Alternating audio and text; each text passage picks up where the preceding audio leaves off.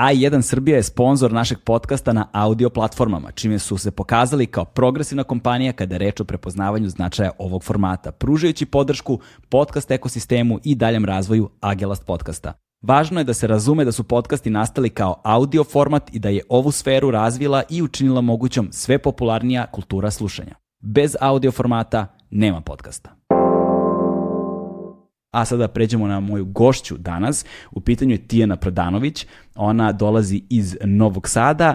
E, Neke od vas je možda znaju, neke od vas je možda ne znaju, ali ona je naša astrofizičarka doktorirala u Americi, specijalizirala je za kosmičke zrake i jedan deo našeg razgovora bavit će se upravo tim delom njene karijere, dakle kosmologijom, astrofizikom, a, znam da je svemir svima uvek večito zanimljiva tema i da redko zaista imamo priliku da čujemo ljudi iz ove oblasti koji govore na našem jeziku i koji se bave ovakvim stvarima, da ne moramo stalno da posežemo za stranim sadržajem, a s druge strane govori, bavit ćemo se i onom, onime što je njena pasija i što je a, veliki deo a, njen, njeno, njeno, ba, onoga, onoga čime se ona bavi, to je popularizacija nauke. Popularizacija nauke i način na koji razumemo nauku i kako nauka treba da postane fundamentalni deo ne samo našeg obrazovnog sistema koji je u velikoj meri zakazala, nego takođe i u našom svakodnevici. Nauka i popularna nauka zapravo treba da budu ono poslednji bastioni odbrane od, na primjer, teorija zavere. Ali o tome i mnogo više od toga u našem sledećem razgovoru. Moja gošća danas,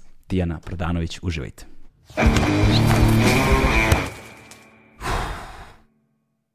Hmm.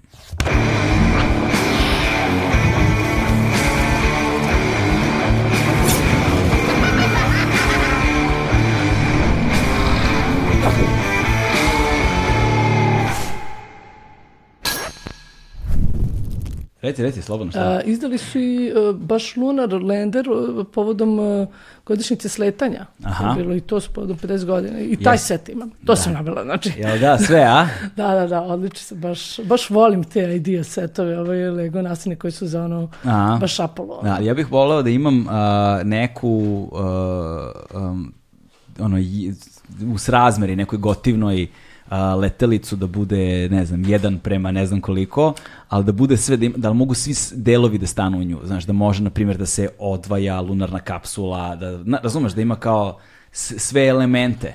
Pa čekaj, pa, pa taj Na primjer, Saturn ova- V raketa je u toj proporciji su napravili taj mali lander sve i čovečuke su čak smanjili da budu u pravoj proporciji u odnosu na Saturn V i raketu. koliko je ukupno visoka raketa onda?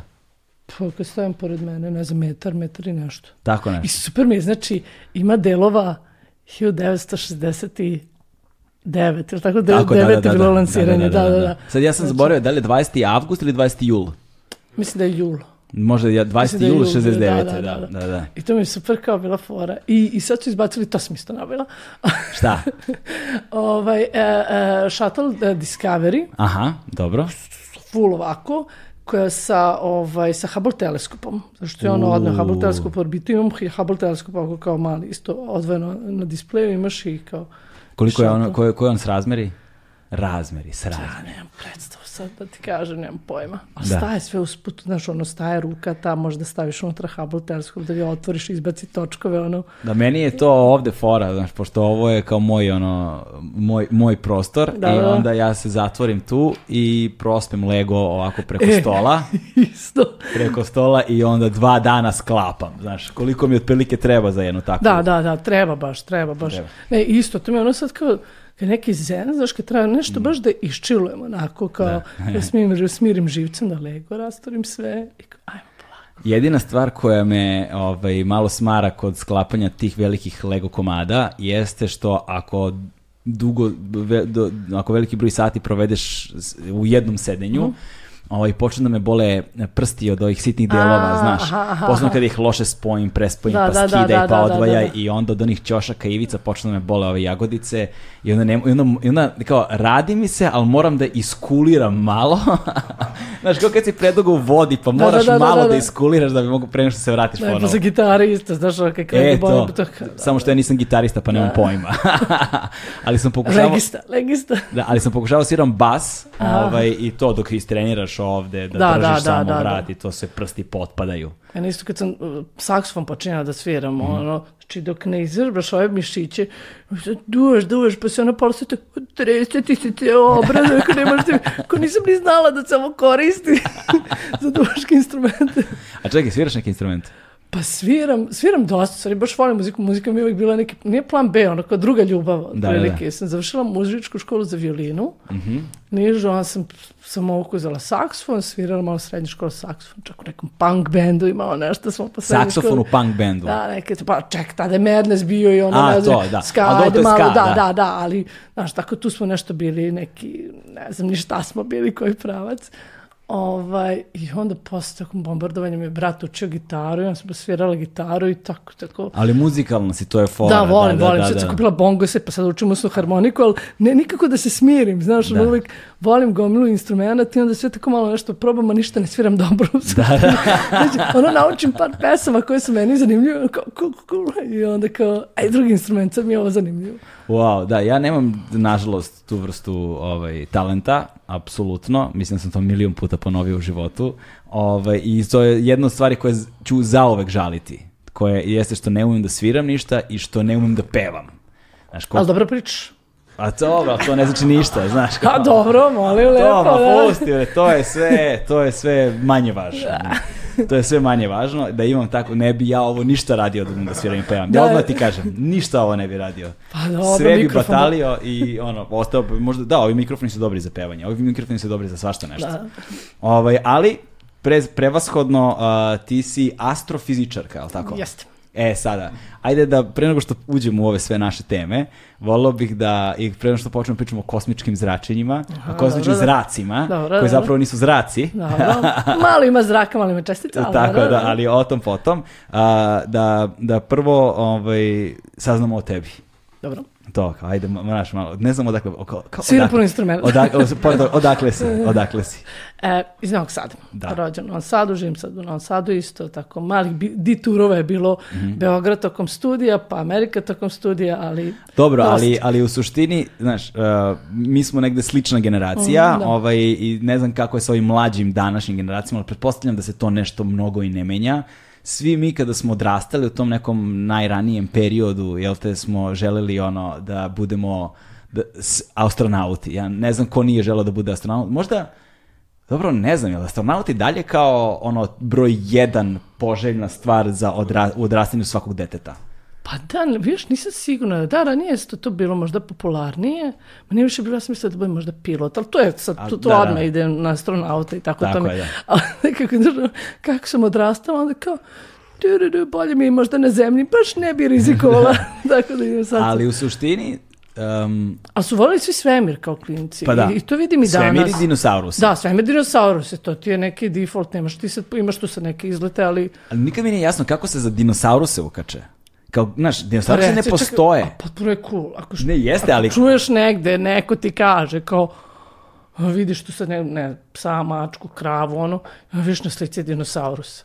Ne. Mislim, potpuno je cool, zar ne? I ono kao, klinici koji su odrastali, mislim, ja sećam, Park iz doba Jureka izašao kao film, oh my god. Da, da, ono, da, da, da. Mislim, i dan danas mi je to na listi filmova koje mogu da gledam bukvalno milion puta, znaš, tipa kao Alien ili nešto što onako... E, meni je Alien jeste, ali Park iz doba Jure nije. Meni to je, potpuno mi je Nije. fantastično. Ne znam zašto, nikad mi se nije primio Park iz doba Jure nešto preterano. A Alien apsolutno, Da, da, da. nema govora. Ne, znaš, ne ali- ja 50 puta gledala, ono, bezmalo. ono. A, da, Da, da. da. Ali da, dinosaurusi su potpuno su cool, mislim. Ne Pa ne, jesu cool, nego kao kako, znaš, postoji ta univerzalna fascinacija dinosaurusima svakog deteta. Dobro. Dobro. Znaš, kao, znaš, zašto nisu univerzalno fascinirani nekim, znaš, nekako svemir i to planete, ali planete vide, znaš, vide mesec, Da, da. ono, vide zvezde, ali kao, Pa ne znam, možda zato što, znaš, kao liče neka čudovišta, znaš, kao neki zmajevi, tako malo je, imate kao fantazije, opet nije bajka. možda ima nečeg arhetipskog u suštini u dinosaurusima, ako već govorimo. Da, da, da, Pa da. to je nešto što prepoznaje, jer, Da. jer, jer čudovišta imaju nešto arhetipsko Da, u da. sebi,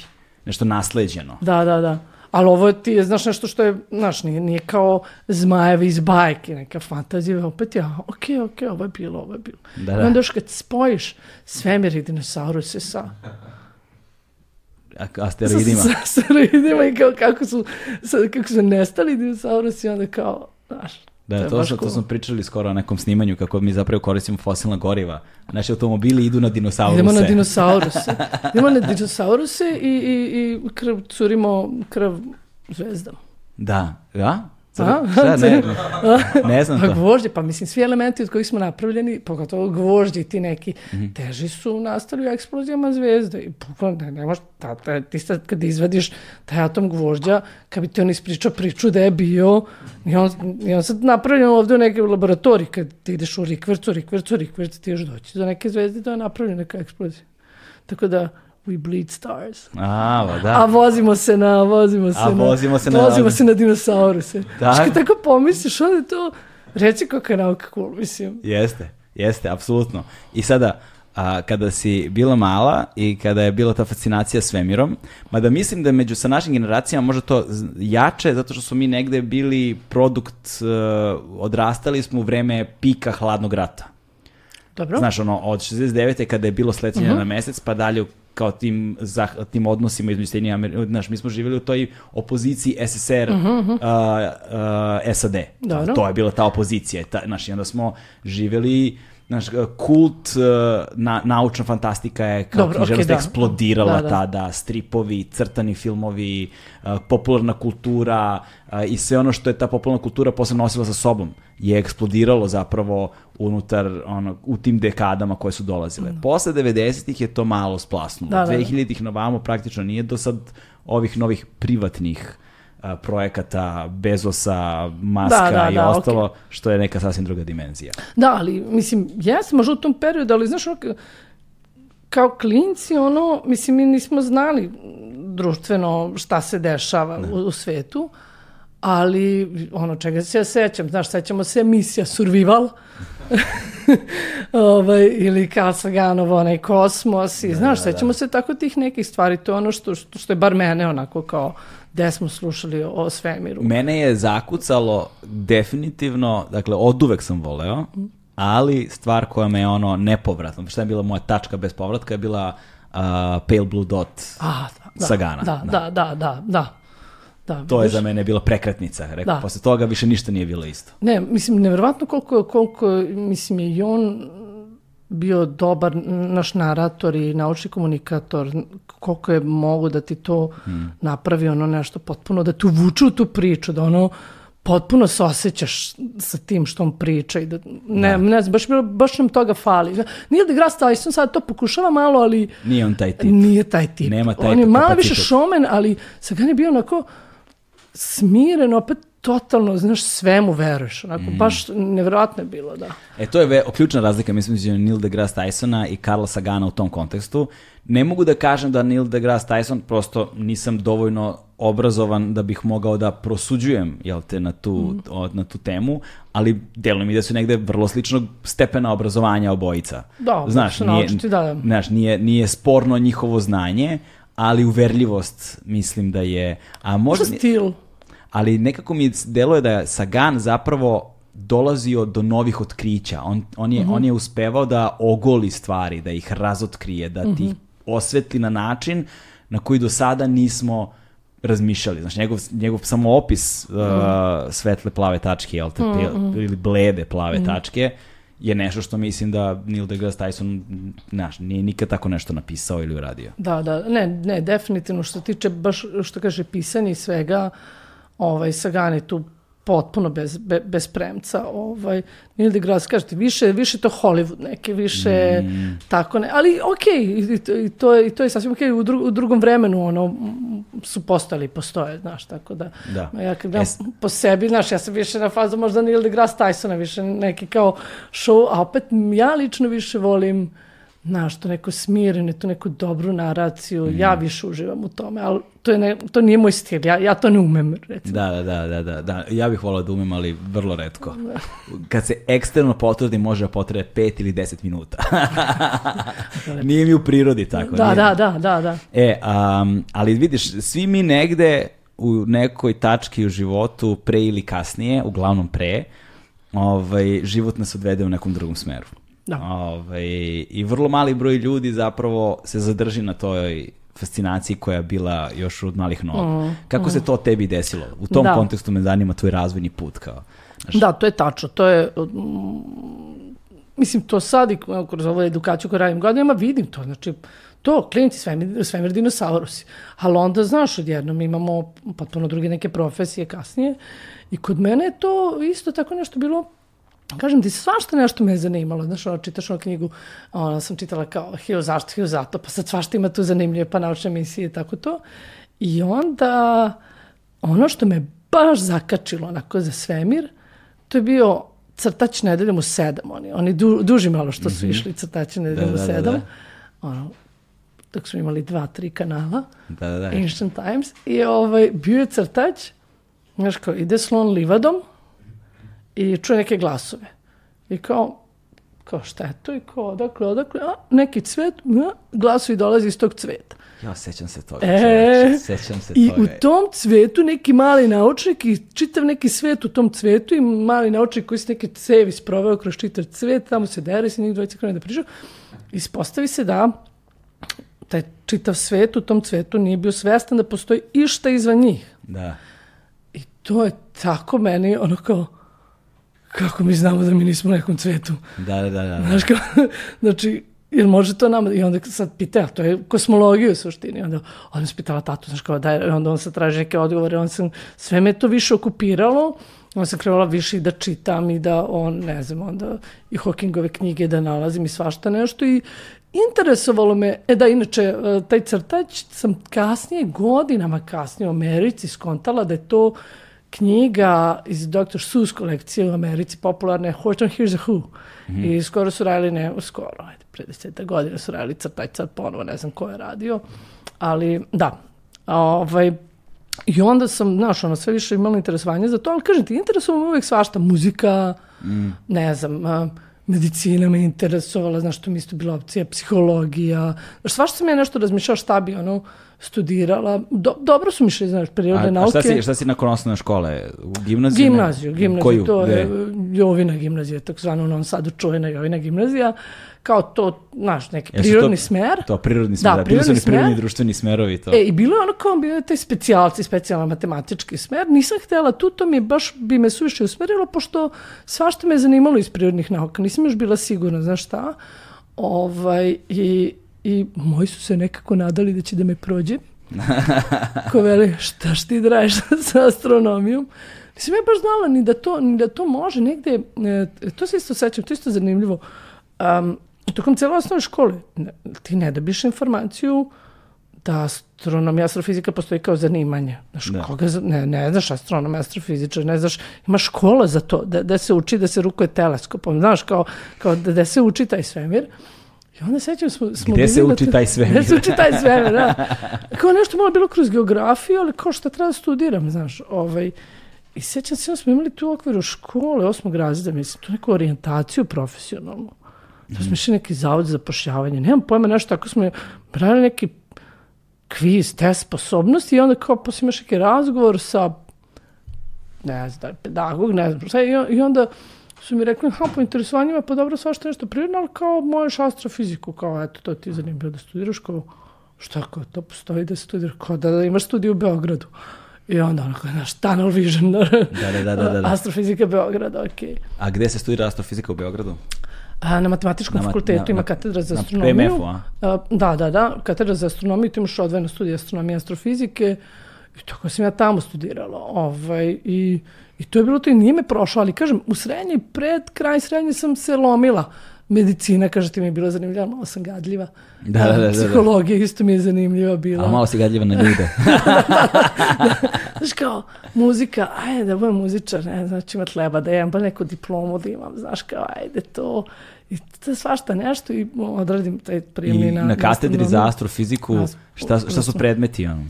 E, pa mi smo na astrofizici slušali 70% predmeta kao, kao fizičari, znači, znaš, mislim, astrofizika, znači fizika u svemiru, otprilike, tako da u suštini fizika tu dobra, matematika tu su nam alati i tek onda ti to primjeniš neke uslove koji su specifični za svemir, ali to je fizika u suštini. Da. Tako smo mi suštinski fizičari po, po obrazovanju, sam, eto, neki možda 30% razlike predmeta. A Ovaj, tih 30% šta je? Pa više spe- specifično astronomski predmeti, znaš, za posmatranja neka, za nešto što ne učiš na drugim, na, na, na drugim mestima, znaš, nastanak, znaš, kako, kako sve mi nastaje, kako zvezde nastaju, kako zvezde žive, evoluiraju i tako. To što druge ne zanima, ali sve to u suštini se svodi na fiziku samo u tom kontekstu u svemiru gde vladaju malo drugačije uslovi, ne znam, tipa gustine su mnogo manje nego što možemo na zemlji da postigne, na zemlji da postignemo, pa ne znam, temperature drugačije, znači postoje neki uslovi koje su u ovozemaljskim uslovima, uh, prostorima nesreću, znaš, pa onda imaš te neke specifične stvari. Tako da to je bilo to, mada, znaš, ono, kažete, moji su bili u fazonu, znaš, to su bile 90. 97. sam ja upisala, mm -hmm. znaš, bilo ono kao što ti, što ima od čega da živiš, onako, A1 je prvi prijatelj audio izdanja Agelast podcasta.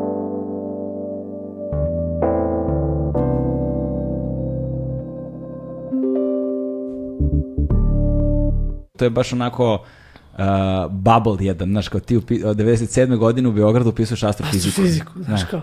Koliko ono- vas je bilo na katedri? Pa ispore, bilo nas je neki desetak, ovo su pisali toliko i sad, od 10-15 upisuju. Znam da mi je Čale gledao, gledao rang listu da bi upala na budžet za programiranje, koji, ja, molim te, razmisli programiranje. Znaš kao, neš ima tleba da jedeš od ovoga. Ne, ne, ne, kao, računari otuđuju, ono, kao, to mi je, u to vreme mi je to bio stav, danas ono kao, ne možemo odvojiti od kompjutera. Da, da, da. da. Ovaj, ali, e, da, tako, mislim, Posle, ka, posle astrofizike na PMF-u, Pa posle, pa eto, 97. 2001. sam završila. E sad, naravno, nisam ja budala, znam da ti, ti s ovim ne, nemaš puno šta tu da radiš. I to mi je postalo jasno. I to sam posle i mojim studentima govorila e, da ovaj, astrofizika i astronomija su specifične. Znaš, ti nemaš e, neku usputnost. Ne možeš da budeš samo master astronom, master, znaš, nemaš ti posao kao master astronom astrofizika. Ne možeš ti da budeš astronom šegrt, astronom s doktoratom posmatra ti šta pomeraš teleskop. Mislim, ne možeš, nema to. Ti završiš, diplomiraš, kao diplomirani astronom astrofizičar možeš, ne znam, da predeš to možda u školi, ali u svim školama astronomije, sam u nekim gimnazijama, možda predeš fiziku ili matematiku, i onda možda budeš naučnik. A to onda zahteva, moraš ići na doktorat. da. I to mi je bilo jasno.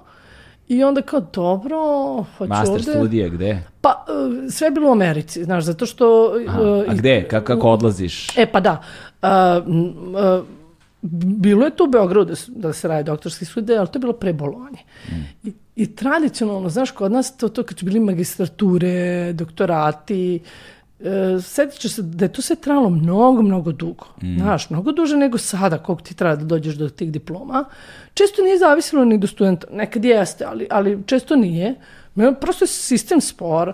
Na doktoratu ti možeš da u suštini da istražuješ, da se baviš samo onim što radi tvoj mentor. Ne možeš ti da radiš istraživanje iz nečega što niko ne radi. Mislim, prosto, znaš, tako si ograničen. Ja sam rekla, ok, a, neću ovde raditi doktorat, idem negde napolje i dosta naših kolega tih godina starih smo mi čuli su odlazili u Ameriku, je bila naj, najprohodnije, pošto nije bila Bolonja, u Evropi nisu nam priznavali diplomu bez, znači na master nismo mogli da idemo u suštini. E, Priznavali su nam tek kad odradimo magistraturu, pa onda kao bismo Znači mogli ti si na magistraturu odradila ovde. ne, u Americi sve. I sve u O, Americi. Odmah posle, dipl- znači diplomirala, i to sam diplomirala, to je bio neki, ono, ne znam, znači ja sam kao, ajko, idem u Ameriku na doktorski studij. I sad to je bilo opet isto neka sulada priča. A Znači, čekaj, do, diplomirala si ovde 2001. za tri godine i devet meseci. To, Ali bukvalno nešto je bilo, znaš, nisam ja planirala tako brzo to, nego su me ovi primili kao, čovječe, moram sad da završavam, nije još gde si godina. otišla na magistarske? To, to, to u Americi su bile spojene doktorske petogodišnje. E, Univerzitet Illinois Urbana Šampenu. Tamo, Aha. tamo. Jer astronomija, kaže ti, baš tako, nemaš ti tu između i onda su često nudili te uh, petogodišnje doktorske, znači ne trati magistratura, bukvalno Aha, te, te spoje, znaš, da ono, sa pošto je magistra- da. Prosto, mislim, uzela sam uspod diplomu kao papir ili ne znam što ovde trebalo, ali e, ničemu, ono, to samo ako tražiš ti kao, da, evo ti papir, aj kao. Da, da, da. Mislim, da. ali Znači ti diplomiraš i zapravo odmah ulaziš na doktorski. a Odmah ulazim na te doktorske pe, petogodišnje, ali kažete, to je bilo, znaš, nije, nije bilo, jer Amerikanci su potpuno priznavali naše diplome tada. I, I dan danas priznaju, znaš, ono kao, ti doneseš diplomu, oni kažu, dobro, hvala, ovaj, super. Mislim, zavisi možda koliko fakulteta, ne baš sve za sve. Ili za sve. Nemam predstavu. Stvarno ne znam. O, koliko ja znam sad za sve, osim ako su čuli nešto da ne, mislim, ne znaju oni šta se ovde dešava, nemaju oni pojma šta se ovde dešava. Ali vrlo cene svoje univerzitete, Pa znaš, cene, tako da... ali, ali, zna, ali znaš šta je fora? E, Je, za fora u tome što ti, kad ideš na, na, na, na, na, na, tamo na postdiplomski, ti polažeš prijemni isto kao ovde što polažeš prijemni za osnovne studije. Aha. Znači, možeš ti da njima daš diplomu na kojim ti imaš sve ne znam koje ocene, tamo te čak prijemni. Da, da, da. da. Znaš, ti sad, i, i to mi je super kao njih, znaš, njima je sve jedno gde si ti u suštini završio, šta završio, ako ti to znaš da uradiš, Idemo dalje. brate, znaš, Da, da, da, da. da.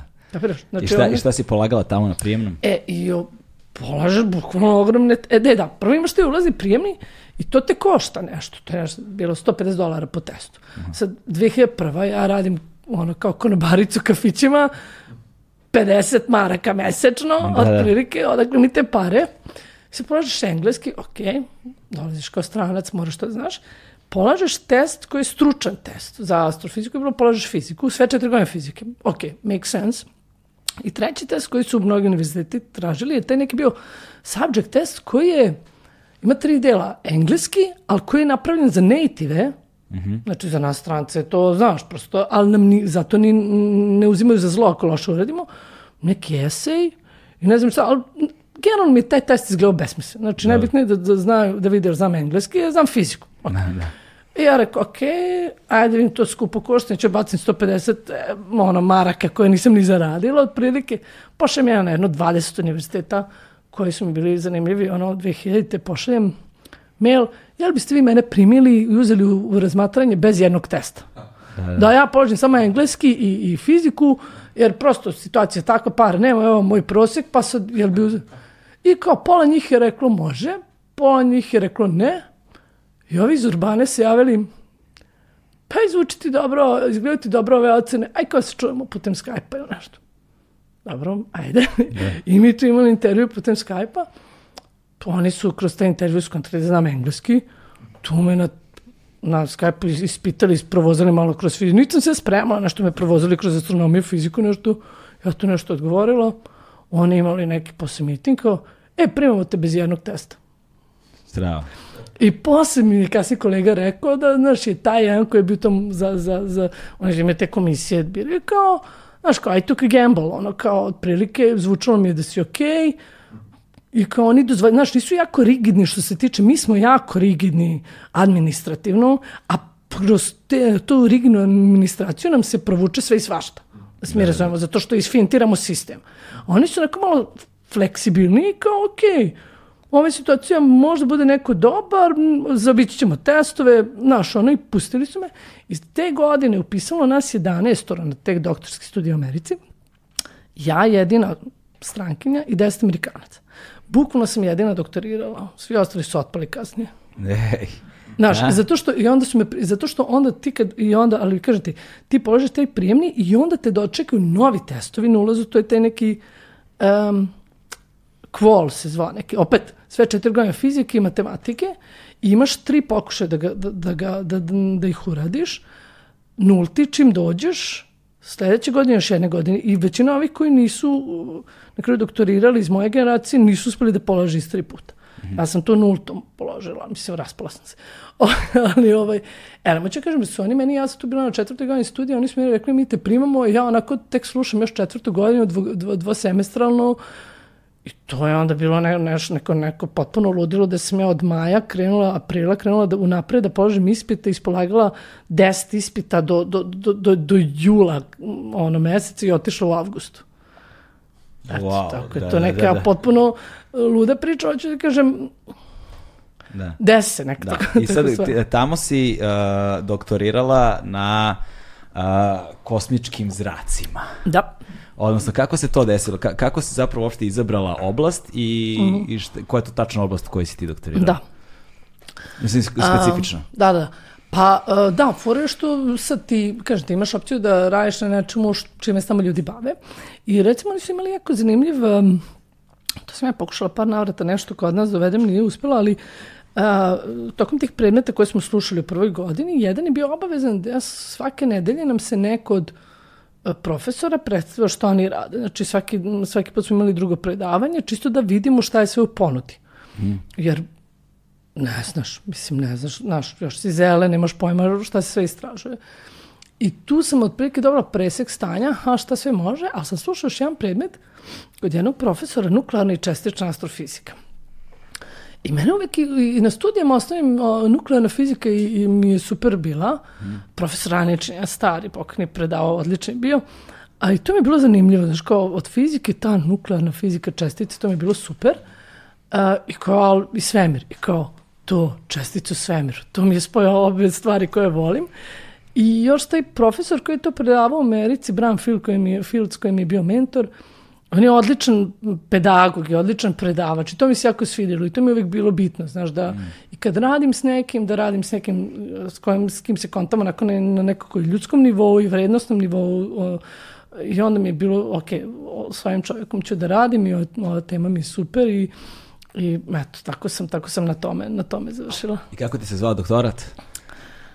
Ja, a, sad ne znam tačnog naziva, ali litijum koji je jedan od elementa, ovaj koji imaš u baterijama, koji, da. koji svi imamo u baterijama, e, to je jedan od prvih elementa u svemiru i s njim postoji već dugo neki problem, ne, što ne frcera tu, nije, nije baš sve kako treba, neka posmatranja su u skladu s teorijom i onda sam ja te, uh, mislite, bilo probing and raising lithium problems with hadronic cosmic rays and da and something something, je da, da, da, mi se da. seća dugačak naslov, ali uh, ispitivala sam taj problem litijuma, kako to kosmičko zračenje menja, utiče na taj problem litijuma, mahom ga pogoršava. Ovaj, a, šta je, da, a šta je problem sa litijumom? E pa da, šta je fora? Znači, svemir, kako je, ove sve elementi što imamo, mi smo ono carbon-based creatures, ono, da. a, ali ugljenik ti nije nastao u velikom prasku. To, on kasnije proizvede zvezde, gvožđe u krvi, zvezde. Startni sastojci u svemiru su vodonik, helijum, litijum. Teža verzija vodonika deuterijum, tu je tu, malo ovaj, 3 i tako. I to, to je startno. Znači, veliki prasak, bum, krene se širi, vrelo, krene fuzija, fuzija, fuzija se dešava, dešava, dešava, ovo se širi, hladi, hladi, stop, hladilo se, nema više fuzije. I otprilike šta je svemir ustigo da napravi from scratch, ono od nule, da. znaš, nemaš ti doći do gvožđa, tamo neki dok nisi napravio osnovne sastojke, znači nemaš ti se doma praviš gvožđe. Znači, pošto je sve bilo ono osnovno, imaš samo čestice, ono o, osnovne gradivne jedinice, imaš protone, neutrone, to malo elektrone i to raznih drugih čestica. I spas kreće fuzija, prvo ti je star, stanic ti je vodonik, zato njega je on najviše 90% svemire vodonik, od toga smo krenuli. Da napraviš bilo šta drugo, treba ti deuterijum, to je kao težak vodonik, teži brat vodonika, napraviš njega, on, i onda praviš helijum, helijum 4, helijum 3, znači onaj što pravi glas, onaj piskav i njega ima 10% u svemiru, njega prave zvezde, i u tragovima kao bukvalno kusur, kao otpaci od, što, testa, kao kad praviš modlet da, i ostane da, da. prilike, ti je, ti, ti je litijum. I sad, i dalje bi se pravili teže elementi da je potrala ta visoka temperatura, ali svemir se sve vreme, to se dešava prva tri minuta, ono, ve, ve, veliki prasak i, i ono, tri minuta kasnije krenu to, da se pravi elementi, 20 minuta kasnije sve stao. Ovaj, se raširio i ohladio. Tebi za fuziju treba velika temperatura. Znaš, ja je sve stalo. Ova, e, tako da je litijum taj jedan od tih prvih elemenata. Koliko velika primordial. temperatura ti treba za fiziju? A, fuziju, stvari. Za fuziju. Pa, za fuziju helijuma ovaj, iz vodonika, u suncu, znači, pričamo o milijardama Kelvina. Par milijardi Kelvina. Znači, 10 na 9, ja ni 9 nula iza. Kelvin Celsius isto ti dođe na, na onih 200 i nešto, nije ni bitno. Ovaj, a, da, tako da ti je litijum taj jedan od prvih. I znači, i šta je fora? Znači, kako, zašto mi mislimo da je svemirna, da, da je početna tačka svemira, tačka, da, da je način kako je svemir nastoji iz velikog praska, vrelog velikog praska. Jedan razlog su ovi elementi. Znači imamo tri glavna, glavna dokaza, da kažem.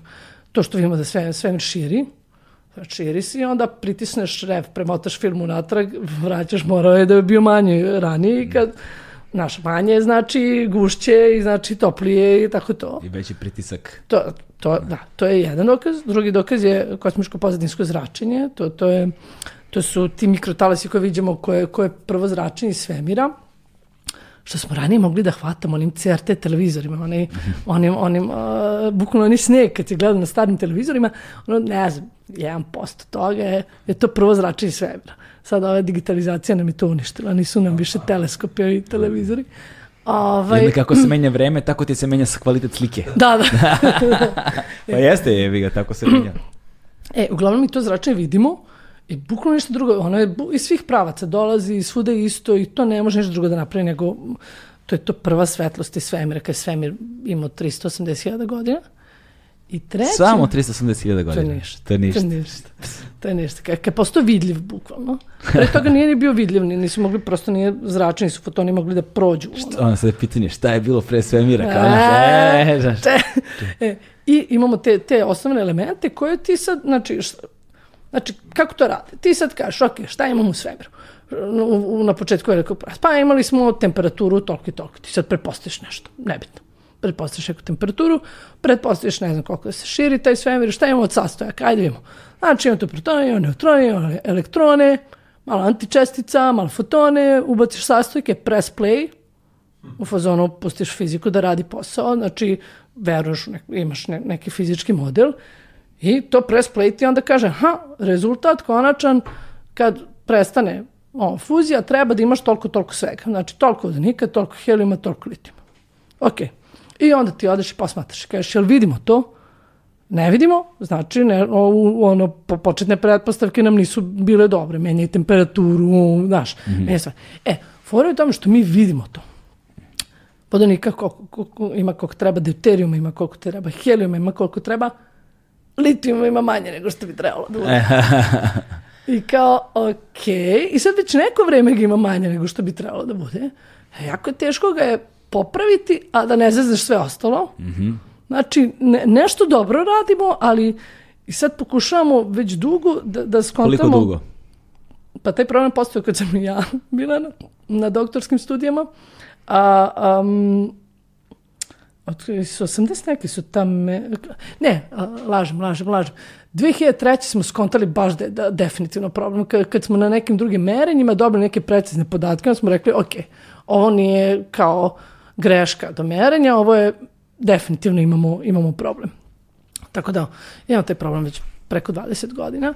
Ali, znaš, i da je pokušamo da skontamo jer problem, da li je problem u našim merenjima, nešto, pošto u zvezdama merimo taj litijum, um, ili ono što se kaže back to the drawing board, nešto u teoriji nam fali, nešto u fizici fali neki deo puzle koji će onda dati drugačiju vrednost litijuma. Mislim, mi znamo da fizika koju smo mi ubacili u press play model, taj, taj model standardni um, teorije velikog praska, nukleosinteze velikog praska, znamo da ta fizika nije kompletna. Znači, mi znamo da nam model fizički manjka. Znači, na, to je ono što ljub, naučnici traže već jako dugo.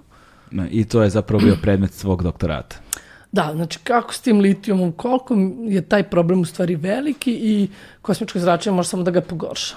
E sada, kako se kosmička zračenja tu uklapaju? To je sada, to je sad sledeće, to je sad sledeće pitanje.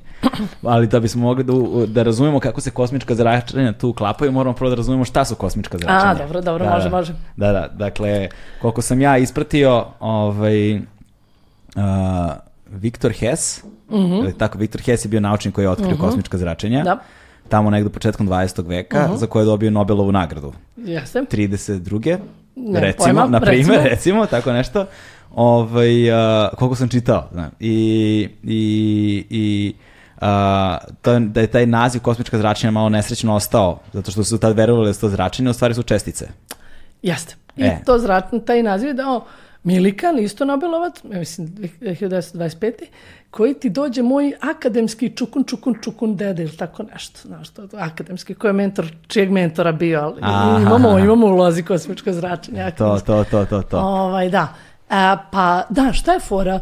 Tim ko, ok, ajde odmah, odmah kažem. Kosmičko zračenje, to su nam uglavnom čestice iz svemira. Znači, u svemiru je ispunjen gomilom čestica neelektrisane koje imaju velike energije koje zuje svod okolo.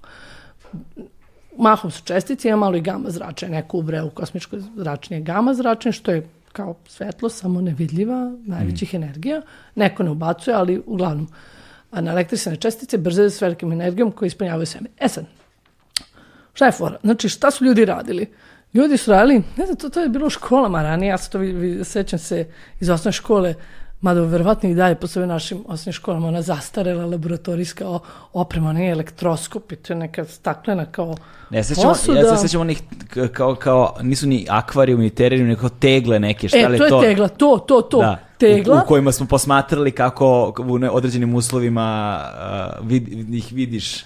E, a to je nešto drugo, ali isto možeš da vidiš tako kosmička zračenja. Ovo je druga tegla Da, da. u kojoj imaš svoju neku metalnu šipkicu i na kraju te metalne šipkice imaš neke folice metalne. Često pravite fo- folice metalne od zlata, se lepo iz, i- se izveju tanke da budu.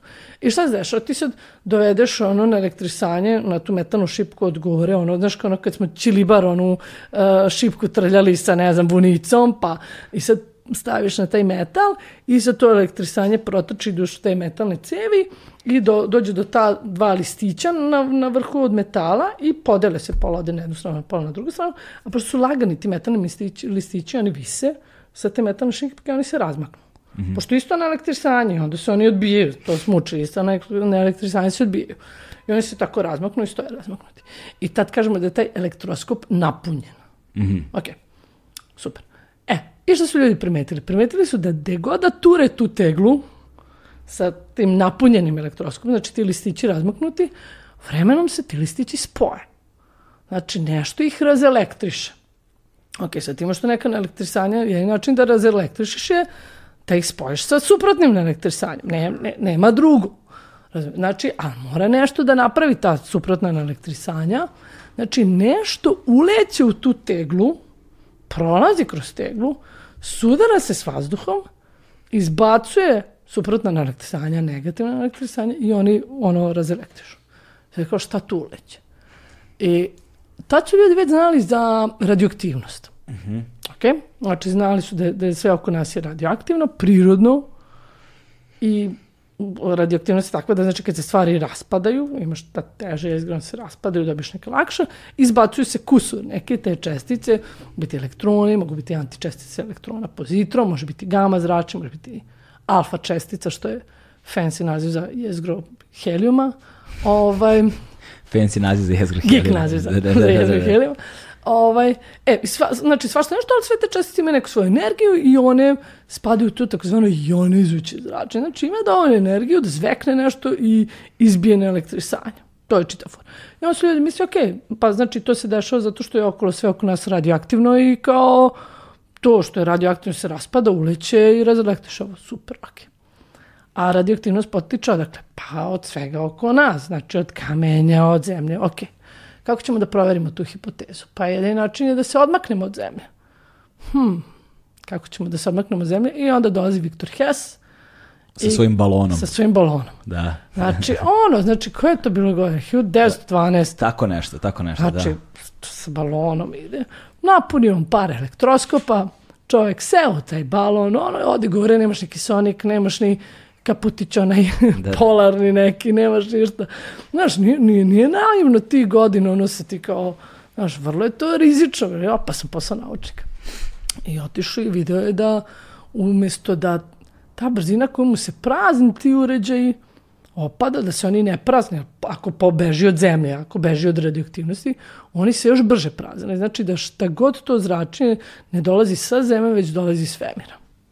I tad još, eto, su skontali, ok, postoji nešto što dolazi iz svemira, što imate velike energije, što može da nam ionizuje stvari i a, nisu znali su zraci u smislu da li je kao elektromagnetno zračenje, kao svetlost, kao, da su čestice i onda su nazvali kosmički zraci, te kasnije su skontali da su po sastavu to razne čestice i tako to.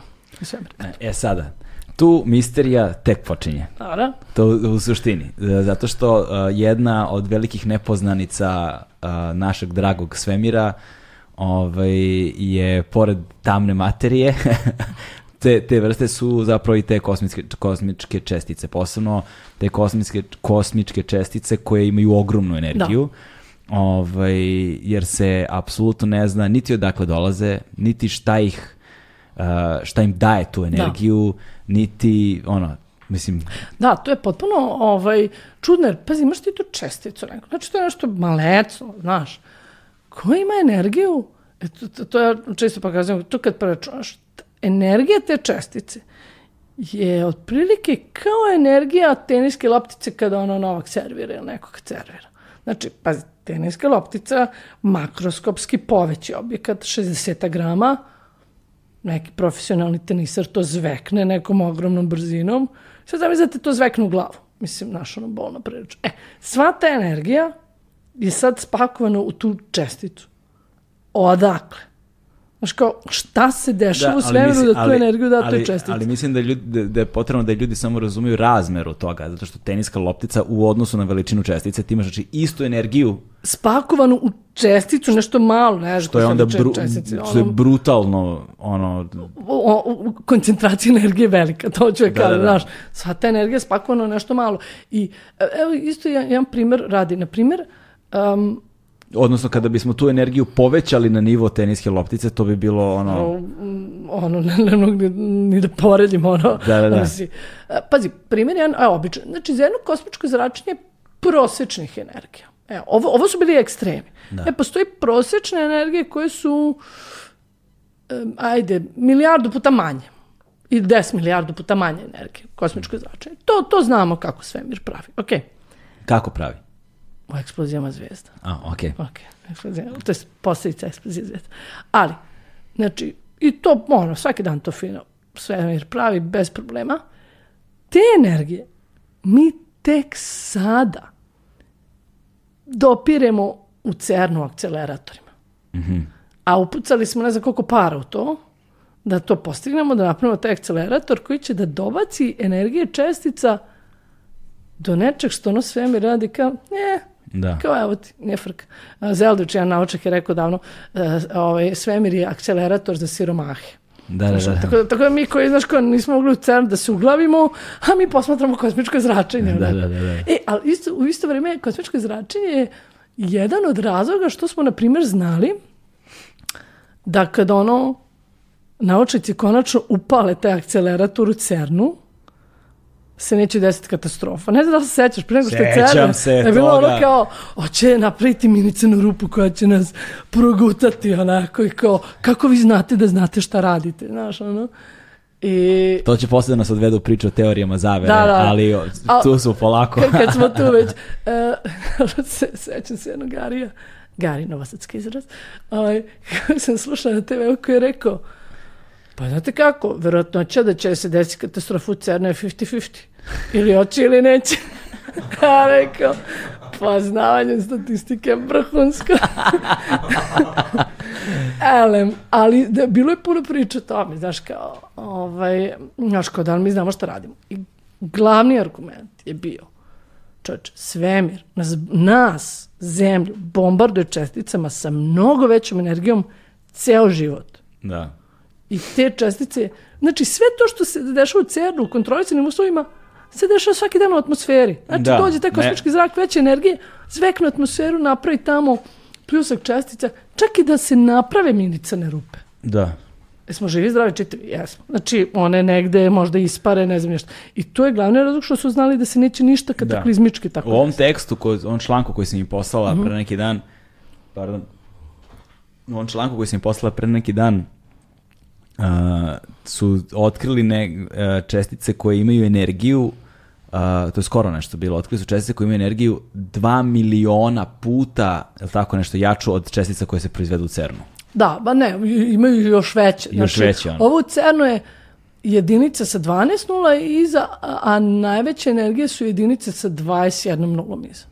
Znači, a milion je još šest dodaš, tako da, da još veće imaju, znači, ne, ne, potpuno je suludo, znaš, ono, uh, i stvarno to i daje ne razumemo, znaš, uh, E sad, šta je fora kod tih čestica i šta je fora zapravo sa tim njihovim sudaranjem i, i sa njihovim prolascima, sad to je, to je, sad ja nisam stručnjak pa ne mogu, znaš, ali znam da neke se kreću brzinom svetlosti, neke a, usporavaju pri kontaktu sa, sa, sa, sa, sa, sa materijama, sa prostorom nekim, znaš, kada se sudare, neke prolaze kroz njih, znaš, recimo fotoni, na primjer kada uperiš svetlost u vrata, fotoni ono se sudaraju sa, Da. znaš, ne prolaze, Zaustave se, da, da. zaustave se, Da. ali postoje čestice koje se ne zaustave, Jeste. koje prolaze kroz, jeste, koje to, mi ne možemo da registrujemo. ti imaš potpuno, mislim, vidi se da mi se sviđa ova tema. Da, da, da, da, da. da. Znaš, kao, imaš da potpuno cool neke stvari. Znaš, a, a u svemiru ljudi često pričaju kao zvezde, galaksije, ali kosmičko zračenje je tako cool. To pokušavam da kažem. Elem, znači, te čestice nas bombarduju i proizvode, recimo, znači, taj kosmički zrak dođe iz svemira, zvekne atmosferu, odjednom atmosfera debela, ima gomilu meta tu. Znaš, ide kroz svemir, ta čestica, nema ničega. Brate, prolaziš bez problema. Ide otprilike kojom brzinom svetlosti. Da, skoro su brzine svetlosti te. I naleće na atmosferu odjednom se sudara sa gomilom stvari i kreće taj pljusak čestice. Između ostalog, nastaju čestice koje zove mioni. E, mion je teža verzija elektrona. I on se raspada na elektrone. E sad, ta činjenica, i on, oni žive nešto kratko, na mil, milioniti deo sekunde, tako je neko vreme. I recimo ti mioni koji nastaju na vrhu atmosfere bi trebali u suštini, ne znam, treba da pređu 20 km, ne bi trebali da dolaze do površine zemlje, prosto bi se sudarali tu sve i potrošili tu energiju. Međutim, mi ih detektujemo na površini zemlje. I to je bio isto jedna od ranih potvrda Einsteinovog teorije relativiteta. Da kad se stvari kreću brzinom svetlosti, skoro s brzinom svetlosti, vreme teče drugačije, znači njihov životni vek nije kao što je kod njih, ne znam, milioniti deo sekunde, već im je duže vreme, ili drugačije možeš to da posmatraš, oni, mi, nama izgleda da oni moraju da pređu put od, ne znam, 20 km, u stvari oni treba da pređu, oni vide manji put, to je ti relativistički efekti, tako da sama činjenica da vidimo te milione koji su na površini zemlje, koji stižu do površine zemlje je jedna potvrda teorije relativnosti. E, i sad ne samo da stižu ti milioni do površine zemlje, nego oni još prodiru i kroz, i kroz zemlju. I onda recimo kad imamo neke eksperimente koji hoće da, gde želimo da merimo neke redke stvari koje se dešavaju u svemiru. Znači tipa, želimo možda da hvatamo te neke neutrine, oni su tek ludi, oni prolaze kroz sve, ono ne ostavljaju traga, a, ili hoćemo da hvatamo tamnu materiju koju ne znamo šta, ali pokušavamo da ju hvatimo, I sad, a najviše si izložen mionima, znaš, mioni su, ja te aplikacije za telefon, taj neki cosmic ray detektor, ono, upalim, onda tako svetli gledam, ono, sve se mioni otprilike pojavljaju, pošto i na CCD čipovi ostavljaju trag. E, i onda se ljudi ukopavaju, prave te laboratorije ispod zemlje. Mm -hmm. Znaš, da se sakriju tih miona, da bi ti mioni se zaustavili. Znaš, kao, alo bre, ukopavaju se pod zemlju ili kao, ono, italijani koji su ono, potpuno zeznuli sistem, znači svi prave detektore u rudnicima, a italijani, brate, planina, tunel kroz planinu i kao, aha, samo aj desno skretanje, onako kroz taj tunel i napravi laboratoriju u planini, ta Gran Sasso laboratorija, tako da ih štiti cijela planina od tih miona. Mm -hmm.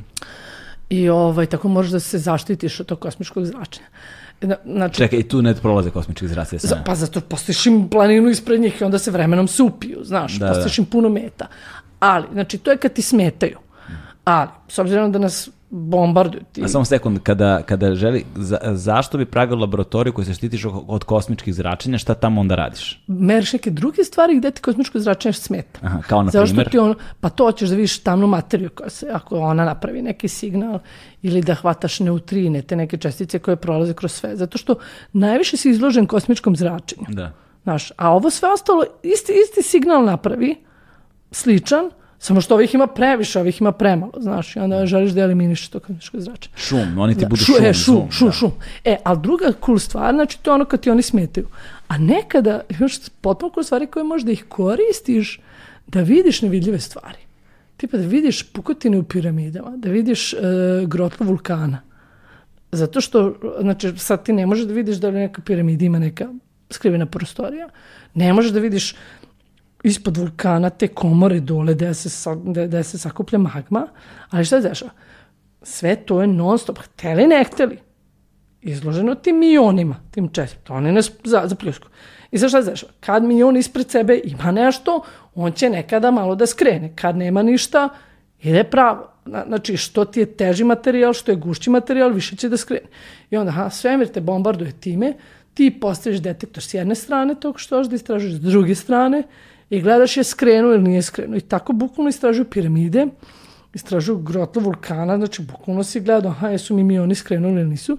I tako su gledali u Fukushimi kada je bila ona katastrofa, da li im se jezgor reaktora, da li im se potpuno nešto izlilo ili šta je već bilo ili nije, jer nisu znali, jer smemo da ulazimo tamo, treba da zapušavamo ili ne treba. I onda su recimo koristili te kosmičke mione. Ludilo čoveče. I, uh, uh, I čak i radioaktivne ono šverc ono u kamionima radioaktivnog materijala možeš time da meriš. Znaš, onda da li neko nosi neku nuklearnu bombu ili nešto.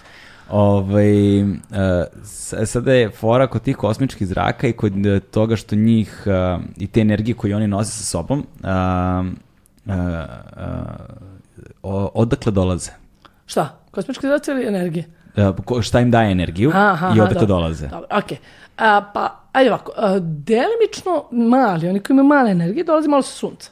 Mhm. Ok, znači sunce sve na vreme imate neke male eksplozije na njemu, neke flerovi ili protuberancije, to, to, to E, znači, da, izvini, Viktor Hess je zapravo tu isto bitan ili, ili nije on ili neko posle njega, jer uh, kada, je on, kada su je otkrio kosmičke zrake, po znacima. Da. navoda kosmičke zrake, ovaj, uh, onda su mislili da dolazi sa sunca. E, da, misli su i sa sunca, Da je da. sa sunca. Da, i onda su onda bili s- noć i dan, sve ti dođe isto. I onda Da. su skontali nema, ono, da nije sa sunca zbog toga. Mislim da su neka merenja radili za vreme tipa pomračenja sunca i onda su shvatili, opa, kao, Da, Mhm, da. nije sa sunca. Ne, pa to je bilo prvo što su pomislili, znaš, ko za tamnu materiju, prvo misliš crne rupe, isključiš ono što ti je naj, ono, prirodnije. E, ali da, sunce jeste neki mali izvor tog kosmičkog zračenja, ali niskih energija. Jer, kažete, pravi non stop neke male eksplozije, malo ubrza te čestice, zapljusne nas malo, ali nisu velike energije. Većina kosmičkog zračenja koje prijemo na zemlji, Izvini, jel su to ono kad nas zapljusne malo jače pa kad nam sjebe telekomunikacije? e, to je to. To je to, to da, je da, to, da. to je to, to je to, između ostalog to je to, da, da, da. A, ali kažete, oni to su male energije u odnosu na ono što, što se u svemiru dešava, što, što se dešava u post festum kad zvezde eksplodiraju kao supernove. Supernove zovemo eksplozije zvezda. Šta znaš, ona eksplodira i sad širi se taj udarni talas u te eksplozije, udarni talas, to ti je kao probijanje zvučnog zida, to je udarni talas. Znači, znaš, kad imaš neku naglu promenu koja je toliko nagla da sredina kroz koju se taj talas prostire, ne može da se pomeri. Nema vremena da reaguje. To, to, to je udarni talas, znaš. Ovaj, onda se naglo promeni, znaš, ovako ti se ja mlatnem rukom, ovako i sad pomeram ove molekule i ove i ovi guraju ove i polako sad oni se polako pomeraju usput kako se moja ruka pomeri, ali ako jako brzo pomeriš, ovi nemaju vremena da se sklone s puta i da jave ovima da se nešto dolazi, onda se nagomilaju tu ispred. onda Da. Imaš naglu tu promenu svetlu. To je dob- dobar primjer toga bi bilo probijanje zvučnog zida. A to, to, to, to kažem, probijanje zvučnog zida. Da. Ove, e, i talasi se javljaju kad zvezde eksplodiraju i sad tu imaš, možeš da imaš i magnetno polje i te neelektrisane čestice i onda se one zarobe, te čestice u tom udarnom talasu sa tim magnetnim poljem koje i rade kao neki ping pong preko tog udarnog talasa. Pa pri svakom tom prelasku tamo, vamo, tamo, vamo, tamo, vamo, one polako dobiju energiju, polako se ubrzavaju. I ovaj i za vreme koliko žive ti udarni talasi u tim eksplozijama supernovih, stotine hiljada godina, ti to kosmičko zračenje, te čestice mogu da dođu, doguruju do tih energija koje su, ne znam, i, i hilju puta veće od ovih što imamo u CERN-u. Što, što, što mi uspemo da uradimo ovim postrojenjima s ovim ogromnim magnetnim poljima i tako to. I većina tih čestica koje na zapljusku su te koje nastaju iz eksplozija i eksplozije zvezda i tako da mi gledajući to kosmičko zračenje učimo u tome, aha, koliko je bilo eksplozija zvezda, koji su sastavi takve stvari. I sad jedna bitna stvar je reći da um, broj tih čestica opada sa njihovom energijom, jako opada. Znaš, najviše imamo onih koji imaju najmanje energije, koje nam najmanje sme- smetaju, a jako malo imamo onih sa velikim energijama.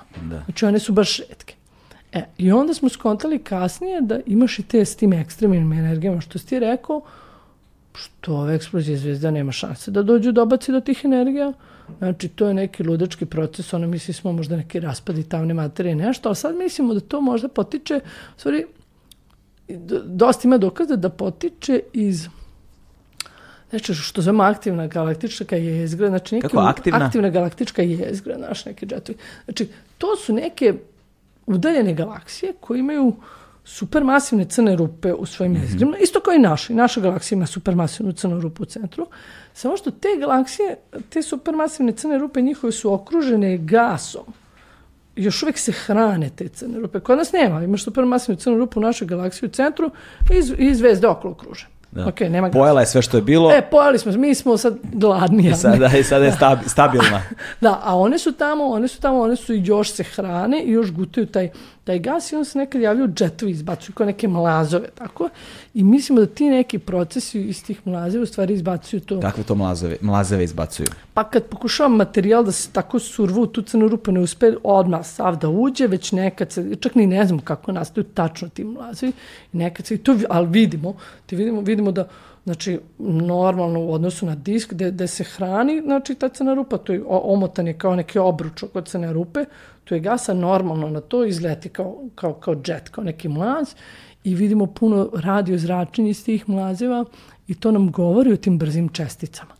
I verujemo da oni dolaze odatle, ali da je ne znamo tačno koji je mehanizam. Znači nismo skontali, ok, znamo da nam treba magnetno polje, znamo da nam treba taj džet, treba nam čestice, tal kao mate, naš, baš fizički model i dalje ne postoji koji zapravo, pije vodu. Zapravo što, se, što smo bliži crnim rupama, fizika koju znamo se raspada. Da, da, da, da, da tačno, tačno. Na, tačno. Naše znanje fizike I, i, tu prestaje. Tačno, i tim ekstremnim energijama. I onda, tako da to i daje otvoreno pitanje, znaš, kako svemir bre uspe da dođe ono, do tih energija s tim česticama. To i daje nije jasno. To je daje e, sa, e sada, kad smo već pominjali CERN toliko, zanima me taj Higgsov bozon. Aha, Ove, ovaj, ta, zašto ga zovu Božija čestica? Da i u čemu je zapravo fora sa njime i sa otkrivanjem njega. Zašto je to bilo toliko važno? Pošto je teorijski uh, on ta čestica postojala Da. u teoriji jako Da. dugo, ali je u CERNu tek dokazana relativno skoro. Da, pa, uh, znaš kako, uh, kako funkcioniše nauka? Ok, sad ti imaš neka merenja, imaš neka posmatranja i sad pokušaš da razumeš prirodu oko sebe, ok. I gledaš, a ovo se ovako ponaša, ovako se ponaša i sad ti tu napraviš neku hipotezu, neko objašnjenje, ajde, šta ti misliš da se dešava? Dobro, podaci koje vidiš se uklapaju to, e sad, ti, sad tu imaš hipotezu, e sad da bi to bila neka glavna teorija, ti sad moraš da kažeš, dobro, ok, ta hipoteza mi objašnjava ovo što vidim, koja je te hipoteze, koja ja mogu da dam predviđenja. I sad daš predviđanja neka i odeš, tražiš to što si, znači nešto što nisi pre toga znao.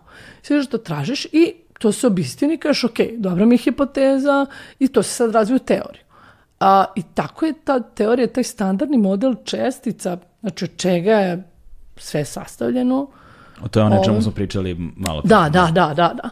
Ono, To je što- standardni što, model što, čestica. ubaciš u recept, što ubaciš, Že- šta sve postoje u česticama i kako oni interaguju, znaš, znači ne može svaka čestica sve da radi. Znači, tačno znaš, ova je ovakva, ona je ovakva, i ovu masu, ovo nelektisanje, može da stupa u reakcije s ovim, s onim, ne može s ovim. Sad ti to praviš, taj graješ neki model i taj model je dobro radio, dao je dobra predviđanja, ali je recimo ne, nije bilo jasno kako mase postoje i dao je neku masu za nešto nula i ne znam nešto, znači neka puzla je falila.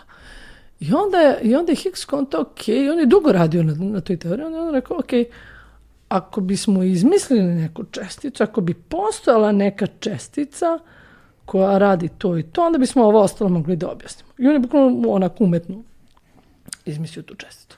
Rekao, ovo mora da postoji da bi smo objasnili ove neke stvari koje već vidimo. E sad, koje stvari? Pa neke oko, o, oko masa, ko ima masu, ko nema masu, sve vezano za masu. Znači nije baš jasno zašto neke čestice imaju masu, uh, o, o, o, raniji model je predviđao da neke nemaju, pa ako ubaciš Higgs onda mogu da imaju i tako. Sve je vezano za masu. Jer masa je recimo jedno fundamentalno pitanje koje još i dalje ne razumemo kao ok, zašto postoje mase i zašto neko baš ima ovoliku masu, zašto neko onoliku, pa sad one kad, ne znam, interaguju sa Higgsovom tom česticom, onda imaju, ne znam, veću masu, manju masu. Znači, sve, ve- sve se vrti oko mase. Jer masu, masa je ono suština, znaš, ono. I kao, to nam suštinski nije bilo jasno. I onda su rekli, ok, mora da postoji ta neka Higgs čestica koja objašnjava te neke mase. I to on predvideo i... Ali pazi, znači, znači to je bukvalno izmišljeno, ubačeno, ali sa tim izmišljenim ubačenim delom ta teorija je davala dobra predviđanja, znači nešto dobro radimo, samo ok, voli bi da to što smo izmislili kao ga i nađemo, znaš. Da. Ali e, sam Higgs nije bilo jasno tačno koliko on masu treba da ima. On se dugo za tim tragalo i zato je to bio big deal kad je to, kad je to nađeno u CERN-u pre par godina, kao otkrivena čestica koja se baš tako ponaša kao što ta Higgsova čestica. I zato e, su je zvali Božim u smislu ne kao da je nešto divine, već zato što prosto je taj ključan jedan centralni deo teorije koji bi objasnio te neke fundamentalne stvari. A kako se, Jer Hig- kako se, kako se Higgsov bozon zapravo ponaša? Uh, kako miš kako se ponaša? Pa rekla, si da, pa rekla si da otkriju česticu koja se ponaša tako kako se ponaša. Aha, aha, aha. Pa, pa, uh, uh, jer ti kad, kad radiš te eksperimente u CERNu, ti sad ne vidiš tačno čestice, znaš, ti, ti, ti u suštini vidiš neke, vidiš neke tragovi, vidiš koliko energije ostavljaju, vidiš da skreću i na osnovu toga ti možeš da, da raspetljaš, aha, uh, koja je koja čestica. I onda su videli nešto što se uklapa u neki drugi profil, a uklapalo bi se u ovaj profil. Znači, ne možeš ti sad da više, on ide sa name tagom, ono kao, Da, da, da. već onako, tačno šta su očekivali od mase i od ponašanja, s kim da interaguje, s kim da ne interaguje i tako. Stvari E, sve. I, o, I mi tu dolazimo do kraja tvojih doktorskih studija. ovaj, a, a, kada si doktorirala? A, 2006. 2006. godine i ostaješ u Americi da radiš ili se vraćaš ovdje? Nope, tad sam se vratila već, onda sam u Novi Sad. O, vratila si se u Novi Sad, sa, kao ono, znaš, doktorirala sa novim znanjima i e, zapošljavaš se. A, tu sam počela da radim na PMF-u u Novom Sadu, pošto su se tu studije astronomije otvorile par godina ranije, kao ok. U stvari, bilo je to... Um, b- bila je opcija da ostanem, znači imala sam tamo opcije za postdoc, sam dobila ponud i tako, ali kao ok, super je tamo škola, super su studije, ali kao ću nešto malo više da, znaš, sve je uigrano, sve je razrađen sistem. Um, nauka je, znaš, mislim, tek ponekad se rodi neko ko napravi neku veliku teoriju, čime danas znamo, znaš. To je sve mi nešto sitno malo radimo i svi malo nešto pomeramo mic po micu nauci. Nekako nemaš osjećaj da praviš neki veliki doprinos, ali praviš mali. I u nastavi je tamo sve super, uh, super su im predavači u Americi, tamo sam i malo taj stil predavanja sam usvojila prema ovde, ali nekako mi je izgledalo kao da tamo ću biti, znaš, jedan šaf u sistemu otprilike. Da. Ok sistem, ali kao rekao, ajde, hoću nešto malo više negde da promenim. Otvorile su ovde studije i rekao, ono što je meni najveći efekt bio na mene, kad sam vidjela koliko je nastava tamo drugačija, znaš. Koliko ja ovde za moje studije, ne znam, nisam postavila par pitanja, ono. Da. Znaš, sedimo, čutimo, profesor je Bog i pišemo nešto. Znaš, nekako ne razumeš, ne smeš da kažeš da ne razumeš. Da, da, da. Smoriš se. Znaš, Ko- koliko prosto- puta sam ja tako, tako samo slušao, pa rekao, poslije ću ja da naučim, znaš. I to što sam posle učio, da. ništa nisam naučio. Znaš, ali to je, ali to je, to je strašno, to, to, to je tužno i meni je to bilo poražavajuće, zašto sam tad još, dok sam bila na studijama de- 99. je bilo čočno pomračenje sunca Ja. posle bombardovanja. Čekaj, da, pričat ćemo o tome stane. da, da. Znaš, Kako se ne sjećam, čovjek, ljudi su bežali su kućama. bežali, U, u vestima je bila, to je danima u vestima bilo sklonite se, ne gledajte u Da, da, da, sunce, ono, zatvorite, svrap kože će vam se desiti. spustite roletne, zatvorite prozore, navucite zavese. Dočekujemo par meseci kasnije 2000. godinu, kao novi milenijum ludilo. Brate, skrijemo se ono Slušaj, ja se sećam ono. te 99. je bilo, ja sam bio u Barutani tada, jer de- tako negde sam bio, u nekom klabingu sam bio. To je bilo, to je bilo posle bombardovanja, ali tako? To je bilo posle, da, to je avgust bio, avgust Da, bio. i ono, krenulo je ludilo klabing, sećam se da li smo iz Barutani negde bilo ovo, ono, to je 11. avgust. Da, tako, jeste, 11. jeste, avgust. jeste. I sećam se, vraćamo, znaš, ono, svi će, razumeš, jutro je, brate, vraćaš se iz klabinga, ono, ne znaš gde si. Ja gledam oko mene, ljudi beže. Beže, bukvalno beže, u, znaš, ono, ulice puste, nema, znaš, sad ti, pom, kad je rano ujutru, misliš kao je puste ulice, Da. nema, znaš, nema nikog Da, idu 5, po 6, leba mleka, 6, 7 ono. ujutru, ali prolazi vreme, naš sa aftera idemo. prolazi vreme, nema nigde nikoga, brate, razumeš? Nigde, Da. nula. Kao, ća, to je meni bilo... Ne, to je strašno. Ja nisam bila zašto smo mi otišli se sami studenti, organizovali se otišli na Horgoš, da je to moglo se posmatra da gledamo. Posle mi Čale pričano i posle slike na vestima, ono, imaš ti sad ima neki super snimak na, na, na YouTube iz, iz Užica, ono kao pomčan, pusto, apokalipsa. Ono kao, mislim, strašno. Mene je to, ja te vidim da opišem koliko to meni bilo poražavajuće. Ja sam to mislim, ja i dan danas to mislim, znači, je li moguće da nam je toliko loša bila naučna pismenost da d- 1999. godine, znači sa internetom, sa TV-om, sa protočnom vodom, strujom, kolima, avionima, mi čovječe pomračenje sunca mislimo da treba da, kao da u pećini živimo. Da. I kao, i sad kao, ko je kriv? I onda ja kontam, pa krivi smo mi, naučnici, nastavnici. Ne, ne, nemam drugo objašnjenje, možemo, možemo samo biti mi krivi, jer nismo dobro naučili ljude, nismo dobro objasnili, predstavili smo nauku kao strašnom, uh, obrazovni sistem zakazao i onda mi je, ok, ovo mora da se menja. I onda sam tako, kad sam to lomila sve u Americi, rekao, ok, ovde ima sad mesto u Novom Sadu, znaš, imam šansu da dođem, da nešto probam da menjam, da ta nastava bude normalna, da pokažem nekom, znaš, jer ti kad rasteš u ovom sistemu, ti ni ne znaš kako može da bude. Da, da. Ti misliš tako od uvek škola stroga, ti profesori, ti sad, ti sad tu sediš, čutiš, ništa ne znaš, niko ništa ne... Znaš, može da bude potpuno drugačije. Možda pitaš, je, bubneš, pitanje ostaje živo, ono kao, sasvim okej, okay, i onda naučiš nešto iz toga. Može profesor da bude potpuno normalan, ne narogušen. Da. Ono, znaš, ono kao, Kakav lav, narogušeni ljud sav. da, znaš, da mu, znaš, da ne padneš ispit zato što je nekom loš dan, ono kao, da. mislim, može fizika da bude skroz ok, a ne da svi ono imaju traume. Znaš koji je procent ljudi koja se rećem sad poslije ovog svega što radim na TikToku koji su onako, ja, ja mrzim fiziku, kao sad mi je zanimljivo. Znaš, ljudi imaju traume od fizike i matematike.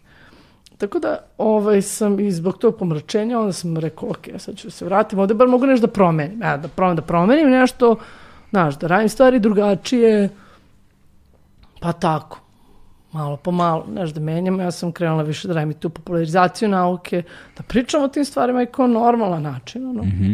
I? Pa ide dobra popularizacija, ali sam fakultet napustila. Koliko si izdržala na fakultetu? A, dugo sam izdržala, napustila sam ga ove godine. Zapravo bila si, jer ti si bila redovna profesor, profesor, redovna da. profesorka na fakultetu, predavala si Sve i svašta, bila sam ja astrofizičar tamo, tako da ovaj, na studijama tamo astronomije, tako da... Mhm.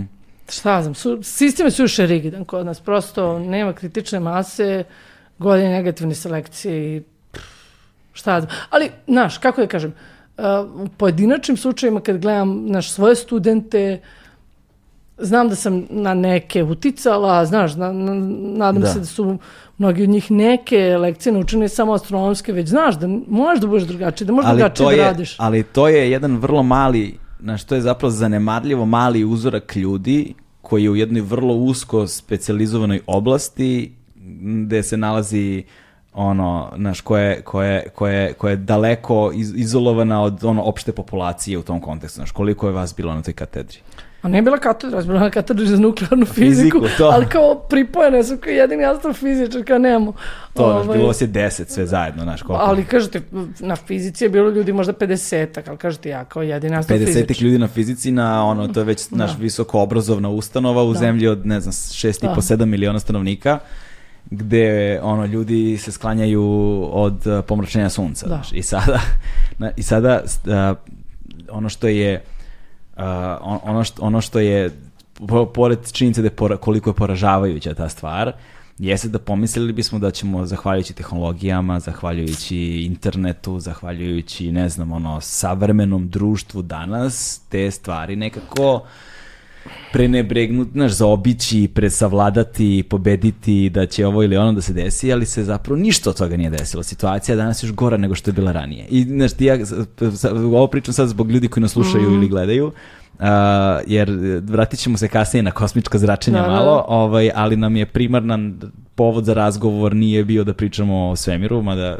a znam da to ljudi mnogo vole, nego da pričamo o tim teorijama zavere, o obrazovnom sistemu, o načinu na koji se zapravo vaspitamo, obrazujemo, formiramo svoje mišljenja, jer čovjek bi pomislio da bi ovo trebalo da bude barem kada je protok informacije u pitanju najslobodnije vreme od, kako, od, kako čovek i savremena civilizacija postoji, ali stvari ne, izgleda ne stoje tako. It backfired on us. Da, da, da, da, da, da, da, vrlo, vrlo, vrlo. Da, um, Tvoje putovanje počinje sa pomračenjem sunca, ali ono se razvija dalje Da. na vrlo bizarne načine.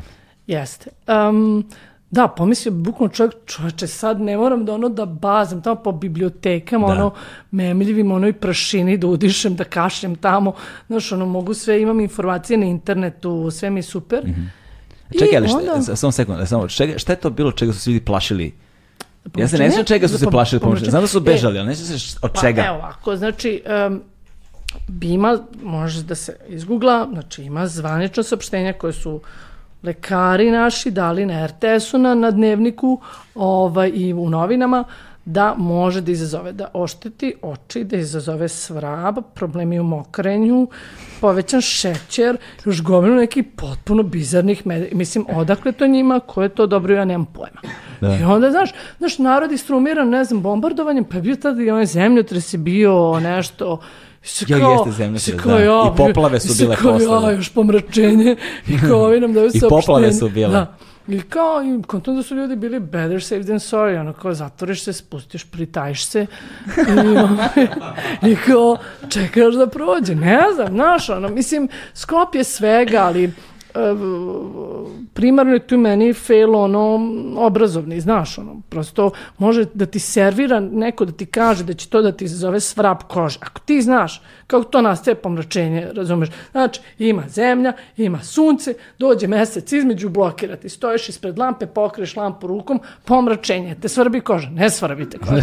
Znaš, mislim, e, znaš, ako, ako, ako se to tako lepo objasni, razloži da ljudi znaju šta je to, da, da ne može nikako to da ti medicinski bilo šta napravi. Znači, možda ti, e, e, ljudi u svetu mahom tokom pomračenja imaju problem sa oštećenjem očiju. Zašto imamo slika Trumpa, čovječe koji hoće s dvogledom da gleda. Ono, Znači, u- tako, da, tako imamo problem, znaš, mislim, to, to se ne radi. Znači da, po oči može da postoji problem, pa mislim kao i sada, evo idi gledaju sunce, neš moći da gledaš, mislim, bolete oči, prosto jako je svetlo. Još onda kad imaš pomračenje, Znaš, kad ti se zaklanja, pa kao činiti, aha, tamno i onda se odjednom otkloni, znaš, što je jako puno svetla za, za zenici, može da napravi oštećenje i nikako ni po tačkom razno da se ne gleda sa bilo čim što uvećava.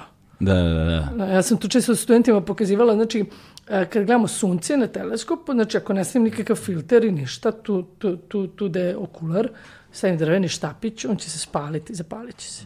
Jako puno svetla. koje Kao kad tu- pališ mrave lupom. Da, e, što? što mi to radi? To smo radili svi kod deca. Mi smo topili kocke leda. Da, se- ovaj, ja sam da. pržio mrave, jebi ga. ja bio neke mravnjake. Ovaj, znaš, tako da, um, tad može da se desi, ali sve ovo ostalo, da, da. znaš, kao, Ovaj, e, a, natrag na informacije. natrag, natrag, natrag, natrag na informacije, nego da je osmatra dvogledom čoveče. To je recimo, um, To ne. na primjer, to je sad je dobra fora, zato, zato, zato tradicionalno se crtaju pirati sa onim eye patchom, sa, sa onim povezom preko oka, zato što na brodovima u to vreme, ovaj, kada je neka hitna situacija, ili na primjer kada napa, udale, uska- uskaču na druge brodove i oni ulaze u potpalublje, razumeš da zaroblja, zarobljavaju se bore ili kada je neki fight, otko znam. A, da Fora što da otvore. Pa da, i onda im je to oko privuknuto na mrak. A, I zato su nosili peč preko oka, što kad ulete u potpalublje, zažmure na ovo, podignu ovo i onda vide odmah. A ja rekao, neko im Ne izbo, da se izbio prila- oko u Ne moraju da, se, da ne moraju da se prilagođavaju na mrak. Super, super, da. To je zapravo fora Da, bilo. da, da, da. Razumeš? Zato su Da, nosili eye patch. Da im jedno oko bude priviknuto na mrak i kad ulete, č, nema problema, odmah mogu u fight. Da, zato mi u astronomiji na posmatranjima ljudi često koriste crveno neko svetlo da ti ne smeta ono kad su ti oči naviknute na... da, da, da. da. Alright, to, da. to tada nisu imali. Sledeći put nosim patch. Samo ovako ideš i uletiš u mrak i zažmuriš samo na drugo oko i vidiš. Da, premestiš patch. Da, dobro, to traje, ali samo dovoljno ovako. Ovaj, e, um, šta je meni posle toga bilo fascinantno, na, na, na, taj, na tom nivou? 2012. majanski kalendar, Da, da, kraj da. sveta. Da, tu, tu, tu sam skontala tu sam skontala, ok, imat ćemo problem s internetom. Zato što sam, uh, tad je krenula ta priča, manski kalendar, smak sveta, završava se, ne znam, 23. decembra 2012. zato što su maje skontale da će biti smak sveta. Kako, ne znamo. I to je bio onaj film 2012. Da, da, jao, jeste bio Ja, film neki. nešto, neutrini, te čestice koje nešto polude i kao, ljudi, nema što tako. I onda sam ja, ok, tu sam već radila popularizaciju već neko vreme i onda sam ja, ok, moja misija je ove godine, napravim turneju po Srbiji šire, sam držala ne znam koliko tih predavanja na temu da neće biti smak sveta, odnosno u smislu da objasnim šta su sve oni, ti koji su teorijama zavere rekli da će se desiti, to je bilo trebalo da bude neko poravnanje planeta, pa kad se one poja, poravnaju onda nešto gravitacije i onda sam ja držala predavanje da im pokažem, ok, kad se poravnaju planete, desi se to i to, ili desi se ovo, ove čestice, neutrini ne mogu da podivljuju sami, tako i tako, sad sve to objašnjam. E, ali, kao priprema za to predavanje, pošto sam ja astrofizičar, ja nemam pojma ništa o majanskim kalendarima, sad kao radimo neke kalendare, ali ne znam ništa o majama. aj kao malo da se informišem šta, šta tu, šta mi Da, to da. što znamo. I kao je malo nešto googlam da nađem neku pouzdanu informaciju, znaš, iz akademske sfere, šta je taj kalendar, kako je nastao, šta stvarno znači, kako su merili vreme. Jedna stranica Google pretrage, druga stranica Google... Na nekoj desetoj Google, stranici Google pretrage sam ja našla neku informaciju koju sam skontala da je ok, ovo mogu da uzmem da je kredibilno. Da je iz nekog iz akademske zajednice. Da, samo psihopate, neko- samo psihopate stižu do desete stranice Google pretraga, znači ono... znači, ne Red znam- flag, red ne, flag. Da, re, ono, to je ozbiljna crvena, znači ne znam da sam u životu išta pretraživo da stignu do desete stranice, Kad stranice tražiš nešto redko. da, znanje, da, da, da, da. činjenice. Da. Znači na desetoj strani Google pretrage. Sve pre toga su bile teorije zavere ili potpuno neke, mislim, lo, da kažem, pogrešne informacije. I sad, zašto sam ja došla dotle? Zato što imam predznanje o temi, e, hvala, imam predznanje o temi i imam kao neko ko se bavi naukom godina razvijenu tu kritičku misl, da, da odredim tu neku trijažu informacija. Aha, ovom verujem zbog ovog i ovog, ne verujem zbog ovog i ovog. Znaš, i, ovaj, i onda skontam, čoveč, samo bi psihopate došle do desne strane.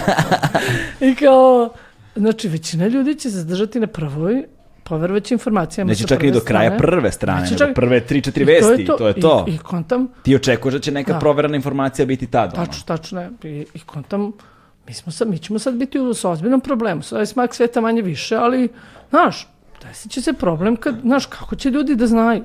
Mislim, e, više ima mnogo, znaš, šta je ranije bilo? Ranije hoćeš da, da, da, da neku informaciju, da edukuješ. Ok, smisliš, napišeš knjigu, to prođe vreme, neko recenzira, neko oštampa, turiš u biblioteku. Možeš da znaš, odeš u biblioteku, uzmeš knjigu, nađeš knjigu, uzmeš knjigu, pročitaš. Danas, brate, novi WordPress, opa, moj blog, tap, tap, tap, tap, tap, ja pišem moje mišlje, moja teorija, tap, pustiš tamo, neko se nakači, proširi svuda, podeli svuda, odjedno. Znaš, uopšte nije više labor intensive, nije naporno da ti sad baciš svoju neku suludu teoriju o nečemu, imaš nula kredibiliteta, razumeš, nula nekog backgrounda iza tebe, to nekako ljudi pokupe i to se proširi. Znaš, vrlo je lako sada pričati o bilo čemu.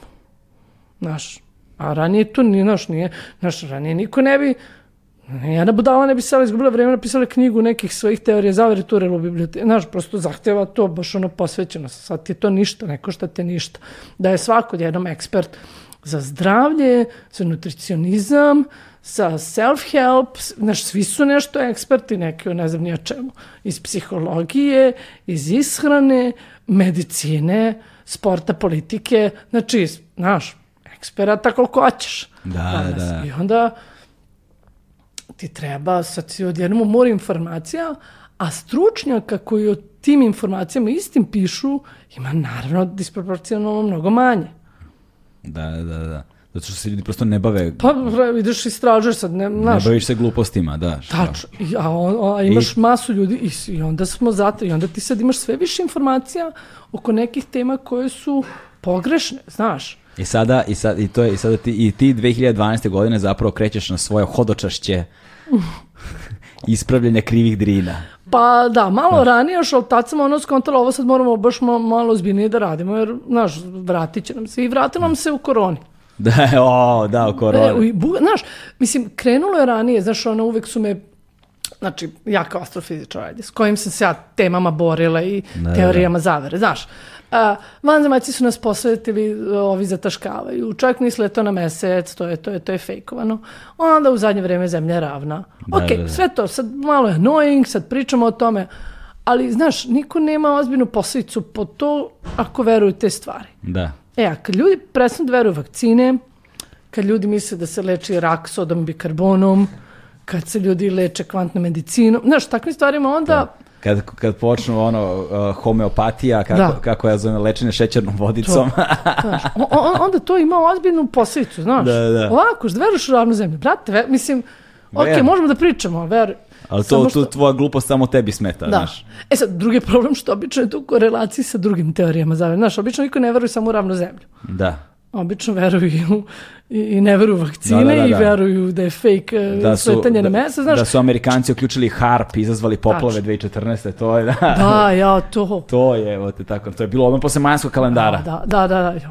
Znaš, tako da ljudi stvari... I onda sam ja napravio ovde spisak teorija da, koj, kojim- kojima, kojima, ćemo da, kojima ćemo da govorimo. Ovaj, a, kvantna medicina. Joj. Šta je, šta je kvantna medicina? Ja nemam pojma šta je kod medicina. Šta, pa, čak sam e, snimala jedan TikTok video o tome, a ovaj, ali baš aj kao ajde se upoznam. Šta sad stvarno oni tu tvrde? I to je ono, uzmeš magičnu reč kao kvantna. Znaš, magičnu reč u smislu, znaš, zvuči kao ozbiljno, zvuči heavy, kao neka ozbiljna nauka, jeste reč iz nauke. A znaš, i ljudi koji se bave kvantnom fizikom, mislim da se ogradim, ja se ne bavim, ceo život, pa i dalje ne razumiju kvantnu fiziku. Znaš, vrlo je to bizarno ponašanje koje čestice ispoljavaju na, na, koje se ispoljavaju na jako malim skalama. To što upisujemo sve nešto nekim talasima, nekim frekvencijama i tako to.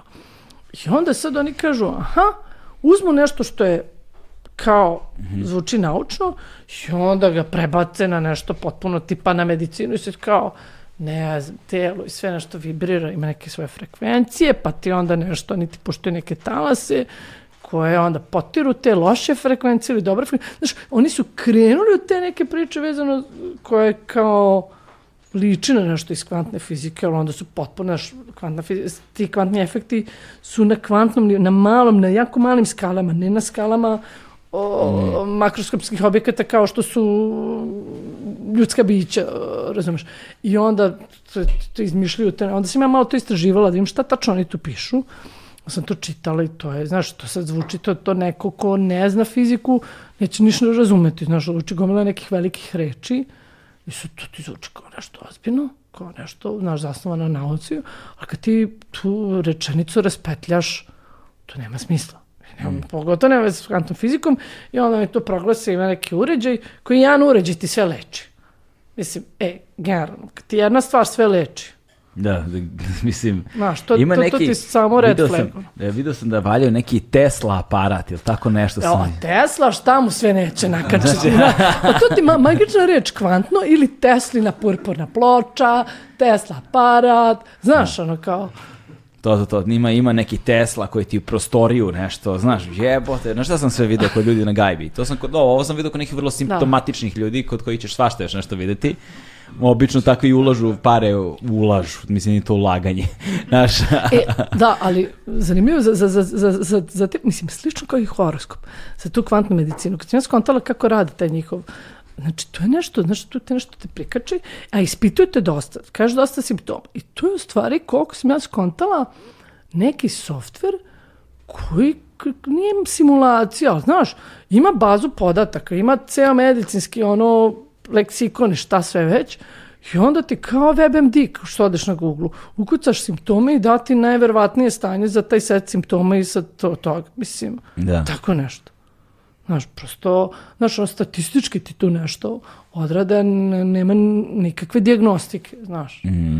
I tako, i samo kažu kvantne, imaju velike reči i ti kažeš onda, wow. Da, to je kao i kiropraktičari koji, znaš, samo pucketaju vazduh zarobljen između zglobova i decit, brate, kao, znaš, ali ne, kao kiropraktika, velika nauka, pseudonauka.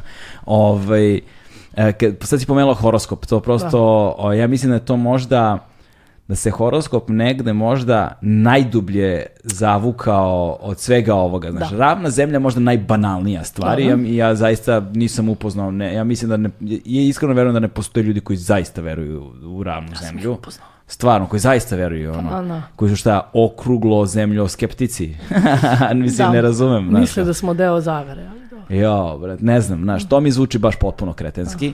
Ovaj, i kao... Dobro, ima, ima to sve u draž, a pričat ćemo, ajde. Da, ajde, znaš to, ali s druge strane, znaš, kad me neko pita šta si u horoskopu, dođe mi da se obesim, majke mi. Znači, to mi je, a to je toliko, s druge strane, toliko ljudi znam, koji zaista Da. veruju u horoskop, koji donose odluke za životu na osnovu horoskopa, Da. znaš, barem u nekoj meri. Ne, ne znam nikoga koji je u potpunosti, znam nekoliko, ali to su baš ono, znaš, to su ljudi za, za lečenje, ali Uh, ali z- ogroman broj ljudi u nekoj meri, barem u malo, znaš, ba ono, d- d- e, kao začinga dodaju u svoj život i kao malo veruju. Znaš, malo veruj. Ima Tu- nešto. Ima nešto. Sve mi je pogodio. To sve mi je pogodi, ima nešto. Ja, evo te, daj, molim te da... Ali nije, kao, to, to je onaj argument, pa kao, ne škodi. Da, i, i, i ovaj, a, da, da se menja raspoloženje na pun mesec. Ja, da. Znaš, to kao, na- znaš, tako da hajde da Um, pričamo da, malo o tome. horoskop. E pa, zanimljivo je da ja u horoskopu ne postojim. Ne razumem. Ja sam zmionoša. Šta to znači? Pa to je to 13. sazvežđe koje u horoskopu u astrologiji ne postoji. Ne, sad, me, ni- sad te ništa ne razumem. Ja nikad nisam čuo za to što ste Nije sad to da govoriš. zmionoš, e. Ne. Astrolozi znaju i poriču. Da. Ovaj, znaš kako, e, šta je horoskop? Ok. Um, taj naš datum rođenja a, i taj naš horoskopski znak je u stvari sazvežđe u kom se nalazi sunce u trenutku tvog rođenja. A, znači ti sad to sazveđe ne možeš da vidiš, pošto mi kad vidimo sunce, tad je dan i onda ti to sazveđe, to sazveđe i za sunce, razumiješ, Da, da. ti- njega ne vidiš. Znači mi uvek vidimo suprotno od onog od sunca sazveđa. E, al, al, al, al to je to. Znači, i to su sazveđa koja su poređena duž putanje kojom se sunce kreće tokom godine. Ta putanja zovemo ekliptika. I to, to je tih uh, 13 zodijačkih sazvežđa. I uh, u astrologiji je to rasparčano, znači ta cela putanja ovaj, uh,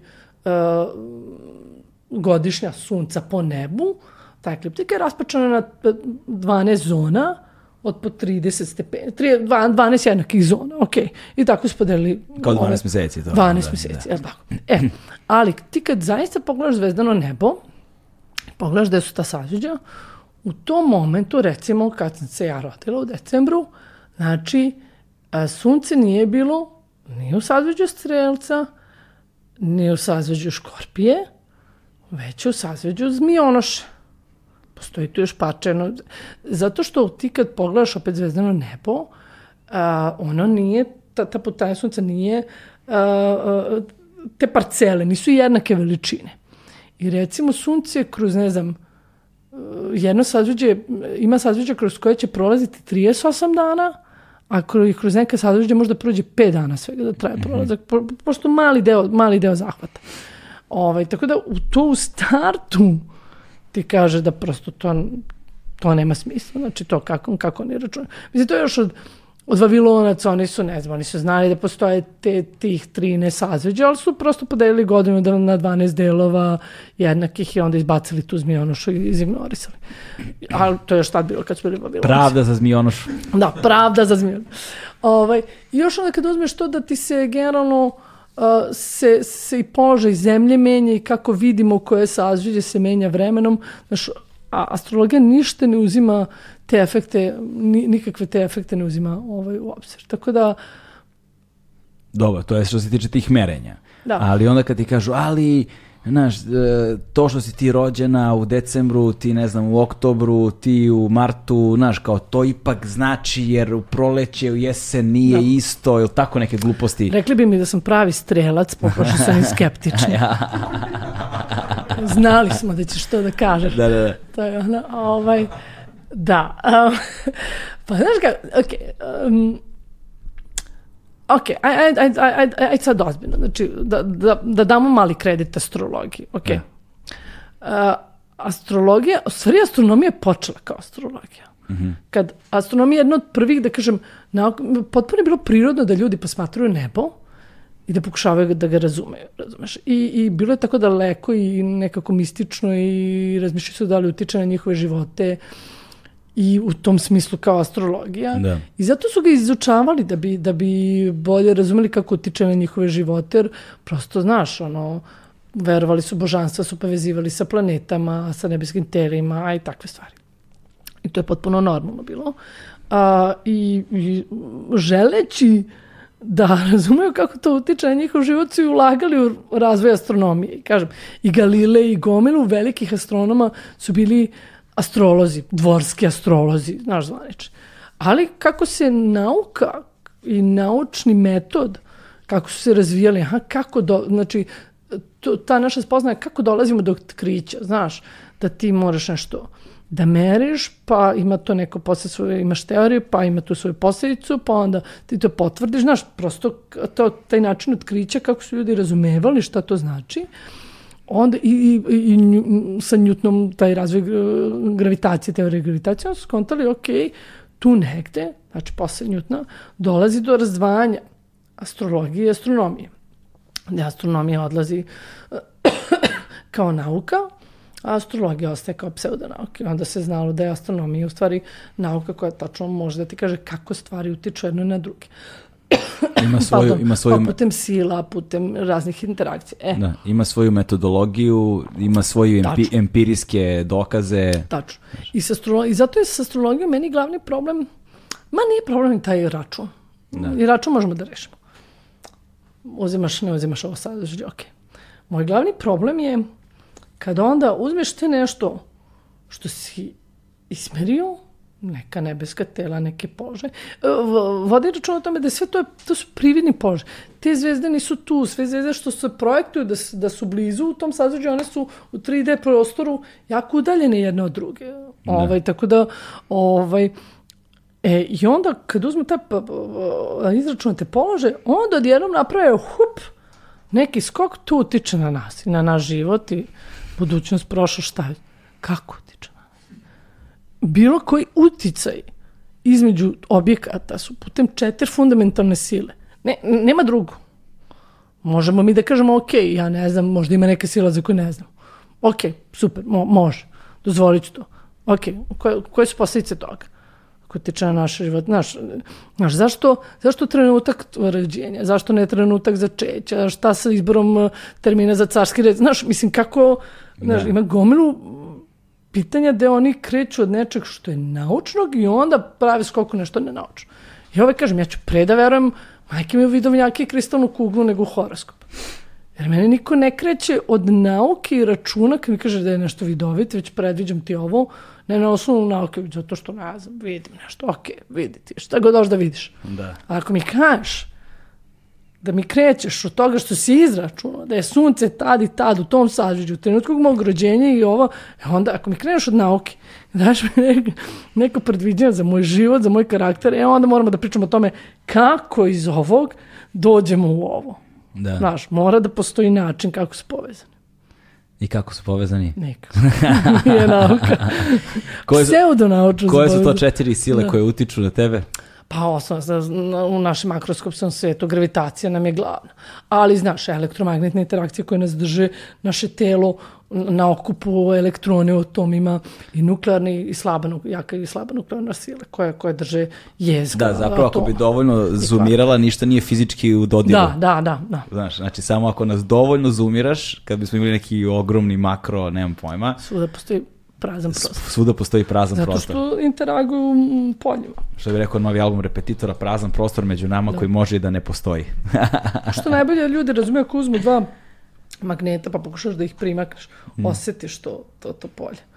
da, ovaj, Eto, to je moj stav o astrologiji. Znaš, pa mislim, znaš, stav o astrologiji je vrlo jednostavan, ali znaš, taj, taj, taj, taj most koji prave ljudi da povežu stvari koje su fundamentalno besmislene je nešto što postaje matrica koja se preslikava i na druge elemente. Da. Meni je problem što oni sad imaju ono, univerzitet za astrologiju. Kakav bre univerzitet? Pa google.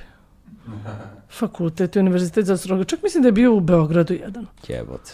To, to ti kažem, znaš, što pokušavaju da predstave to kao vreme. naučno. Kao i tu kvantum, znaš, pokušavaju da, da predstave to kao ne, ne, na egal nivou, kao na, nije. Mm. Nije. Ravna zemlja. Ja, ok. Mislim, Ok. kako, kako takva glupost uopšte može da nastane? Um, pa, zato što se kosi sa svim što naše oči vide i meni je s jedne strane ok da ljudi postaju skeptični. Meni je to ok. I da žele da provere. Što mnogi ravnozemljaši su u fazonu mogu ja da proveri. I meni je to super. Znači, proveri. Ok. Ako smo mogli da provere stari Greci, brate, možemo i mi danas. I u stvari, to je jedna od redkih stvari koje, iz nauke koje bi oni mogli da provere. Znaš, astrologi bi teško mogli, e, da, da nije bilo lažirano sletanje na mesec, teško mogu sami da provere, uvek mogu da moraju da veruju slikama nekim sa satelita, kamenjem, da smo zaista, znaš, prosto uvek mogu da izmisle neke izgovore. Ovaj, a ovo je nešto što bi mogli realno sami da provere i to, je, to, je, to mi je potpuno okej. Okay. A samo što se hvataju za neke stvari koje ne znaju dobro da urade i postoje neki efekti koje ne uzimaju u obzir. Uglavnom se hvataju za to uh, da uh, ne vide iz aviona recimo krivinu Da, naj, zakrivljenje, zakrivljenje i da recimo kad gledaju neke objekte preko nekog jezera negde u Americi ili u Kanadi, da je nešto malo više iznad horizonta nego što bi trebalo da bude, ako, ako bila krivina tu, zakrivljenost tu ili ne bi. E, ali ono što, i, i, ali stvar je u tome što koliko god da je bizaran taj model ravne zemlje, a, on utiče, ako tu pretpostavku uzmete, to će uticati na gomilu drugih stvari. Da. Na gomilu. I ja sam zato počela čak i u nastavi da učim uh, đake, da kad god radimo nešto iz astronomije, što bi drugačije dalo rezultat tako je zemlja ravna versus ako je zemlja sferna, ja im to kažem da im dam alat da mogu sami da, da mogu sami da, da, da provere. Jer, kažem...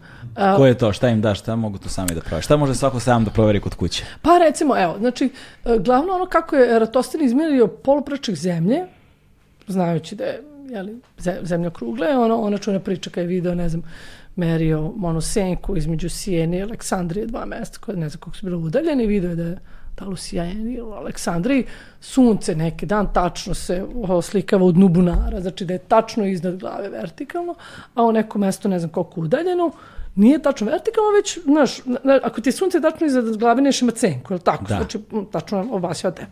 Evo, u drugom mestu, ne znam koliko udaljeno, se baca mala senka. Mm -hmm. Okay. I onda na toga koliko se baca senka, skontaju da je to odstupanje svetlosnih zraka od vertikale 7 stepeni, znaju koliko su mesta udaljena, bukvalno trigonometrija. Znači, za sve te oko ravne zemlje vam svako može sam da dokaže koristići ono vrlo osnovnu trigonometriju, uh, ništa, samo malo trigonometrije, ni, ni, ništa posebno ti ne treba. Znači, vrlo osnovno račun, zato je to super. I, ovaj, I to recimo sa tim senkama, to svako može da proveri. Znači, a, da bukvalno se pomakneš na mesto, negde sam računala, ja to njima dam te brojeve i dajem znaš kada je zemlja ravna, nikad nije, da se udaljiš mesto 100 km, znači odeš zapadno ili istočno i meriš senku štapa od metar, razlika će ti biti par santimetara, znači nešto što ćeš moći merljivo, znači nije u milimetrima pa da nemaš preciznost, par santimetara, meriš senku, imaš sa telefone, budite na, na dva mesta, budite razmaknuti 100 km, čujte se te telefonom znači dva mesta, ono, istočno i zapadno, zabiješ štap, štap od metar, izmeri senku. Koliko ti očitaš, koliko, znaš, dosta lako možeš to, to da proveriš. Um, na primjer to. Uh, isto tako i zbog toga će drugačije će ti biti visina nebeskih tela. Mm -hmm. Iznad zemlje sunce će ti biti pod drugim uglom, čim odeš malo zapadnije, odnosno malo, malo istočnije, pa će samim tim zaći u različito vreme. Opet, 100 km dalje, čujte se telefonom, gledajte zalazak sunca. Javi, reci stop, kada vidiš da je zašlo sunce negde u ravnicu Vojvodine, da, negde da ti da. ništa ne smeta. I čeka da ti ovaj drugi isto to kaže, znaš. Znači, radite tako neke stvari ovaj, ko, koje ne zavise od tih nekih efekata, na primjer, u hm, atmosferi. Posmatri samo zvezde noću. Posmatri zvezde noću. Uh, visina... Izlazi kako, samo kako Tačno. se pomeraju, znaš, i mesec kako se pomera. Mesec isto, mesec, znaš, onaka, je, pomračenje, pomračenje meseca zemljina senka, vidimo, vidimo da, da, da je okrugla kad se pravi to pomračenje. To, tako su Grci znali, znači vide da zemlja baca senku, koja, koja je zakrivljena. Onda će oni da kažu, a to je zato što je zemlja disk, okrugli, ali je disk.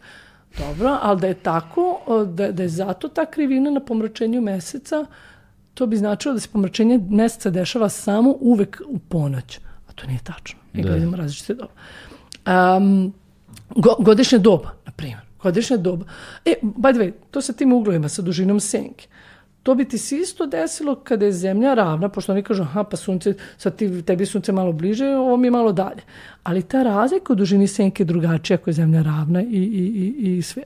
Bukvalno, ja kažem, ljudi, nacrtajte sami sebi. Da. I izračunajte, bazična trigonometrija. Da, je. Godišnja doba, znači, ok, zašto imamo godišnja doba? godišnje doba imamo zato što je zemljena osa malo nagnuta. To znači da nam sunčevi zraci padaju pod različitim uglom stalno. Znaš, kad uzmeš baterijsku lampu, poperiš nešto direktno, dobiš ono, krug, a kad malo pod uglom upariš baterijsku lampu, onda se dobije oval. I oval je malo izdužen. U stvari, šta ti radiš? Ti onda istu, istu količinu svetla, znači istu energiju, razmažeš preko veće površine i preko manje. Ako je ista energija na manjoj površini, bit će toplije, ako je ista energija na većoj površini, bit će hladnije. Što nam sunce pada pod malo drugačijim uglom, ma, malo većim uglom, bit će nam hladnije. Tako da, da, da, da je zemlja ravna, svi bi imali isto godišnje doba. A mi nemamo, mi sad imamo, pošto je zemlja okrugla, Da. znači zato mi imamo na severnoj hemisferi jednogodišnje doba, na južnoj hemisferi je suprotno. Mm. Ali ravnozemljaši to objašnjavaju time što kažu da je Australija fake, da ona ne postoji, da je to prevara i da su svi tamo glumci. Znaš, mislim, um, sve, imaš gomilu, znači bukvalno sve iz astronomije što sam ono, gomilu stvari ti možda objasniš samo kažeš sve je sverno.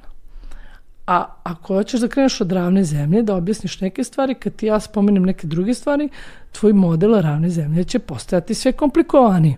Uključivaće ledeni zid oko planete, uključivaće fake Australiju, Da. uključivaće sunce koje u stvari ne sijao na sve strane, već je kao spot reflektor, da, da, znaš, jer, jer drugačije, znaš, da, je, da sunce i mesec kruže iznad zemlje, ako je zemlja ravna, mi bismo drugačije strane meseca videli, ne bi uvek videli stalno jednu stranu, brže bi se smrkavalo, ne bi imali godišnje... Imaš x stvari koje bi se dešavalo. I stvar, meni, kažete, meni je super da ljudi koji veruju u ravnu zemlju žele sami da provere, da izmere. Ali šta znači biti dobar naučnik i dobro kritički razmišljati? To znači izigravati đavoljeg advokata, uzeti ono što nešto što veruješ i reći, ok, šta ako je to pogrešno, šta ako je nešto suprotno odgovor, koje će to imati posljedice? Znaš, Da. raz, razmo- razmotri stvari sa obe strane i vidi koje objašnjenje ti ima uh, najviše dokaza za koje objašnjenje. Ako ima isti broj dokaza za oba objašnjenja, onda uvijek izaberi ono objašnjenje koje je jednostavnije. Da. Onaj Occam's razor. Ono. Da, da, da, da. Znači, tako da, a oni se uporno drže Kako je Nešto to prevedeno? Okam oštrica ili Oštri- bri- oštrica? oštrica, oštrica, da, da. oštrica. Ovaj, a oni su pa uporno drže tog nečega što je vezano, ne znam, za, za to što je iznad horizonta, u daljini negde vidiš da mi imamo taj efekat uh, prelamanja svetlosti recimo kroz, kroz atmosferu kao što se mm, kašika u čašću vidiš da, da je prelomljena i onda nekad kad da je hladan, da je vruć vazduh stvari izgledaju izdignutije nego što jesu. Zato recimo sunce kad zalazi kad je atmosfera malo nemirnija vidiš da nekad bude onako spljošteno. Onako ne, ne bude, ne bude lepo oval. Ok, ako, ako, ti, ja, onda kad mi naučici kažemo, ali ljudi, to je zato što niste uzeli u obzir to, tu refrakciju atmosfere, oni kažu, ma, mani me te priče refrakcije, to je glupost. Ali ako ne veruješ u to, onda pokaži to na način gde toga nema. Taj neki fenomen koji se ne dešava tu, Jasno, znaš, jasno, jasno. mi to zovemo u nauci, dokaži to na način koji ne zavisi od modela. Mm. Znaš, ok, ako, ako ne veruješ, onaj pokaži mi to na drugi način. Da, ovaj, i sada da, tu bi bilo zanimljivo govoriti i o, naravno i o, o, o bojama koje dobijamo uz prilikom zalaska sunca, dakle Da. o spektru i o njihovim Da. ovim frekvencijama. A, takođe... Crveni mesec tokom zalaska, Da. tokom pomračenja meseca ne bi bio crven da, da je zemlja ravna. Da, To se dešava zato što crvena boja se probije okolo kroz putem te refrakcije, zaobilazi celu zemlju i baca se na, na mesec i obasjava ga crvenim. tako je. Da. Ovaj, slušaj mene, tako je. Da, ubedila sam te. Da, da, da, da, ubedila si me gotovo, da. A, 5G izaziva koronu. A, taj, A? mi, taj sam imao ja jedan slučaj ovde. 5G izaziva koronu. Dakle, A, to je... da. To je Ili antene su maskama. Šta? 5G antene su maskama. Znaš da je bilo ono, da da je u mask, maski ona žica, da je to 5G antena. E me zajebao, što nisam čuo. Pa to je jedno od prvih, evo Galeb, sve si propustio. Sve sam propustio, nisam čuo to, nisam To je jedno od prvih što su mi ljudi javljali kao šta te maske, te antene, taj 5G. Javljali ti stvarno Neko je. me pitali kao ono dežnog konsultanta za nauku. kao, šta misliš o ovome? Rekao ništa. Ovaj, da, um, Objasnimo 5G mrežu. da, 5G mreža. Ok, isto kao kad se 4G pojavila, isto kao kad 3G pojavila i kad se 2G pojavila, šta se dešava? Znači mi sve više generišemo podatak na ovim uređajima. Kamere a, imaju sve više tih megapiksela, slike zauzimaju sve više memorije, sve to kada ćeš puno hoćeš da, da svlačeš podatak sa interneta, treba ti velji, veći protok. Znači, to ti je kao u gradu kad je špic, kad se zaguši saobraćaj, kad nemaš drugo rešenje, možeš da otvoriš no, novu neku zaobilaznicu. Je. Bukvalno ovo 5G mreža je sada kao da sad prave u Beogradu zaobilaznicu oko grada. Van grada. Bukvalno otvaraju novi, no, novi kanal da tu da guramo, da tu da guramo podatke, podatke. I otvarali su i ranije kanale, ali ovaj, sad je samo malo druga frekvencija. I dalje su to iste vrste talasa koje nama ne smetaju. Znači, iste su frekvencije kojima smo ranije bili slične su frekvencije kojima smo ranije bili izloženi. Nema, nemaju nikakve druge magične sposobnosti, samo malo pomaknutije talasne dužine, ali isti je domen tih milimetarskih do santimetarskih talasa, tako nešto. Znači, a to je sve ono zračenje koje je ono što zovemo neionizujuće zračenje. Pričala sam ionizujuće, to je Da. kosmičko zračenje. To je ono što možda napravi neki darmar, jel? Ima energiju da ionizuje, znači možda ošteti ćeliju, možda ošteti DNK, pravi mutacije, to- zato vodimo račun o tom zračenju. A ovo isto kao kad me pitaju ono mobilni telefon, izra... da, da, imaš zračenje, ali je neionizujući. Tako su ove, ove, ove 5G mreže, samo da kažem novi kanal, Znači, ako nam ovo ranije nije štetilo, neće, neće nam ni ovo. Znači, samo smo se proširili na malo druge frekvencije. Da. Jel ima veze kosmičko zračenje ili sam ja to pobrkao sa, sa karbonskim datiranjem e, kostiju to, ili kako beše nešto? A, Kad se utvrđuje, znam da su, bio, bio mi arheolog ovaj, Starović, e, direktor Mhm. e, Narodnog muzeja, koji je stručnjak za neolit, i onda, ali sam zaboravio kako se to zove beše. Kako datiraju kosti iz određenog perioda. da, I da zapravo na celoga života a, naše kosti upijaju a, određeno zračenje Mhm. koje ima nek, sad, koje ima određenu fazu raspadanja. dobro, ceonice, Tako nešto. 12. Tako nešto, zaboravio sam. Sad sam ne- možda zvala. Da, da, zaboravio sam Ne, kako- C12 je odvalni, o, o, o, Da, i onda C12. zapravo organizam ga prikuplja celog života i kad prestane da živi, to prestaje da se Mhm. Da, da, dešava. da. I onda kreće Da. ta faza raspadanja. I onda na A osnovu... C14. Da, i onda na osnovu raspadanja određuju kada je to raspadanje Da, da, počelo tačno, i tačno. time datiraju koliko je stara određena kost. Jeste, tako mi, e, tako mi i, i sad... Sad, sad ne znam koliko sam ja to izmasakrirao i da li sam Ne, ne, izmasakrirao. ne, ne, ne, to, to, to je Otprilike- način kako se, to je nešto. način kako se radi uvek radioaktivne datiranje. Uvek imaš e, nešto što se raspada na nešto drugo i onda gledaš njihov odnos, znaš, Mhm. koliko ih ima međusobno i u zavisnosti od toga koliko je vreme, koliko ti treba vremena da se raspadne ta količina, onda možda odrediš, znaš, je li možda odnos na pola, Mhm. 1 prema 3 i onda možda odrediš koliko je vremena pošlo, prošlo.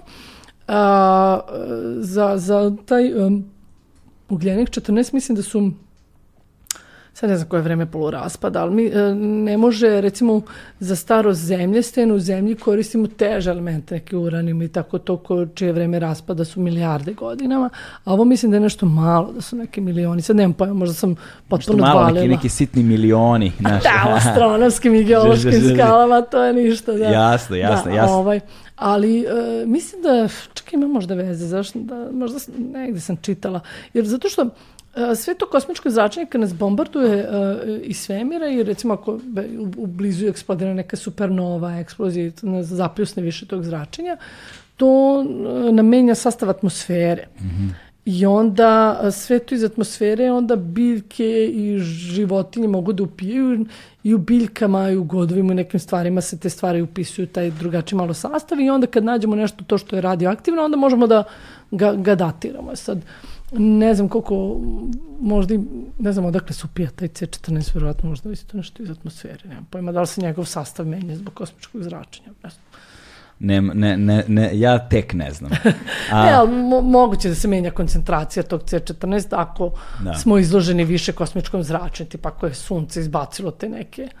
E sada, ovaj, e, ta popularizacija nauke e, kojom se ti zapravo baviš i celokupna tvoja dosježna karijera i ono u čemu se sada nalaziš, pored svog ono svakodnevnog posla kako si otišao sa fakulteta, jest zapravo razgovori o razumevanju nauke, o načinu na koji razumemo nauku, o načinu na koji nauka treba da odigra ulogu u našim životima, o načinu na koji nauka nije zapravo nešto strašno, što je Da. dosadno, a, smarački, teško za razumevanje, zašto su ti neophodni ne znam kakvi mentori, konstantno, 24 časovni nadzor, znojenje, celu noć nad knjigama i tako, ono, dosadni koje su pisale neke dosadne budale. Znači to, da je to sad neki strahoviti napor, da ti moraš da krvariš da bi razumeo nekakvu glupost, ovaj, nego, je, ne- nego, je, nego je nešto što zaista je kao kroz ovakav razgovor, kreo kroz ono, uh, kroz određene elemente popularne kulture vrlo lako možemo da implementiramo u svakodnevni život i može da nam pomogne da se više bar ne jebi ga ne sklanjamo od pomrčenja Da, sunca. da. Znaš, i ne verujemo majanske kalendare, horoskope i ostale gluposti. Ovaj, I u okviru toga ti imaš uh, uh, nekoliko projekata na, ko, u, na kojima učestvuješ ovaj, pored uh, toga što ideš samostalno po gradovima u Srbiji da pričaš kako majanski kalendar, ne 12. uh, 2012. nije bio kraj sveta. Da, da, da. da. ovaj, s- u septembru sada šta da se dešava? Da, pa uh, ovo što ja radim na maloj skali, to je onako mali domet otprilike, aj malo već preko TikToka i tako, ali uh, godinama već organizujem noć istraživača. To je onako se širom Evrope organizuje uvek na isti dan, zadnji petak u septembru a, i u Srbiji već eto 12 godina, tako 24. septembra 24 ili Dva- 26? 20, 24. petak, 24. septembar to je sledeći O, petak. Da, da, da. Ovaj će biti, znači na taj dan pravimo u Novom Sadu će biti, ne znam, Novi Sad, Čabac, Subotica, Kikinda u par mjesta. Ovaj, u Novom Sadu ćemo biti, ne znam, tamo negdje u tržnom centru, u Bigi, ali tu je fora da se taj dan se okupimo na jednom mjestu i kao, to je kao festival nauke. Znači, bude hands-on, on eksperimenata, da se malo nauka približi.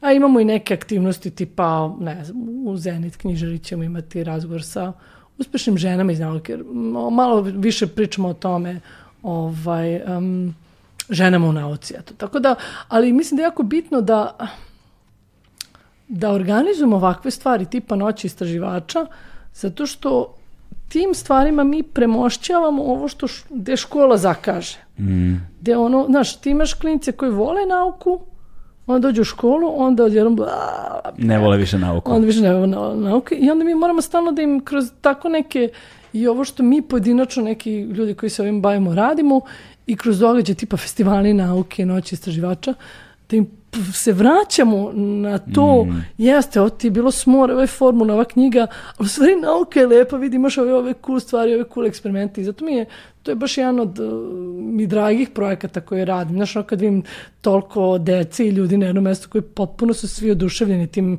eksperimentima, znaš, da vidiš i da vide naučnike, čovječe, da nismo mi ono, znaš, Da. kad vidimo ono naučnik, beli muškarac naočarima u belom mantilu sa čupavom kosom, ono kao, Da, Mislim, doktor, znaš, e, doktor Emmett Brown. Da, da, da, da, da, da, da. doktor Emmett Da. Brown. O, Ovo. mada on je, on je cool. On je cool, on Da, je cool, cool. cool vozilo. ovaj, a, pa onda, ja bih volio onda da poguram ovu epizodu ranije, pošto ja bilo petkom objavljam epizode, pa da onda bude objavljena tačno na dan kada, je- kada, kada, da ljudi mogu da čuju pre podne objavljam, pa mogu da se jave, ali za sve one koji, pošto će ova epizoda ostati za sve one koji...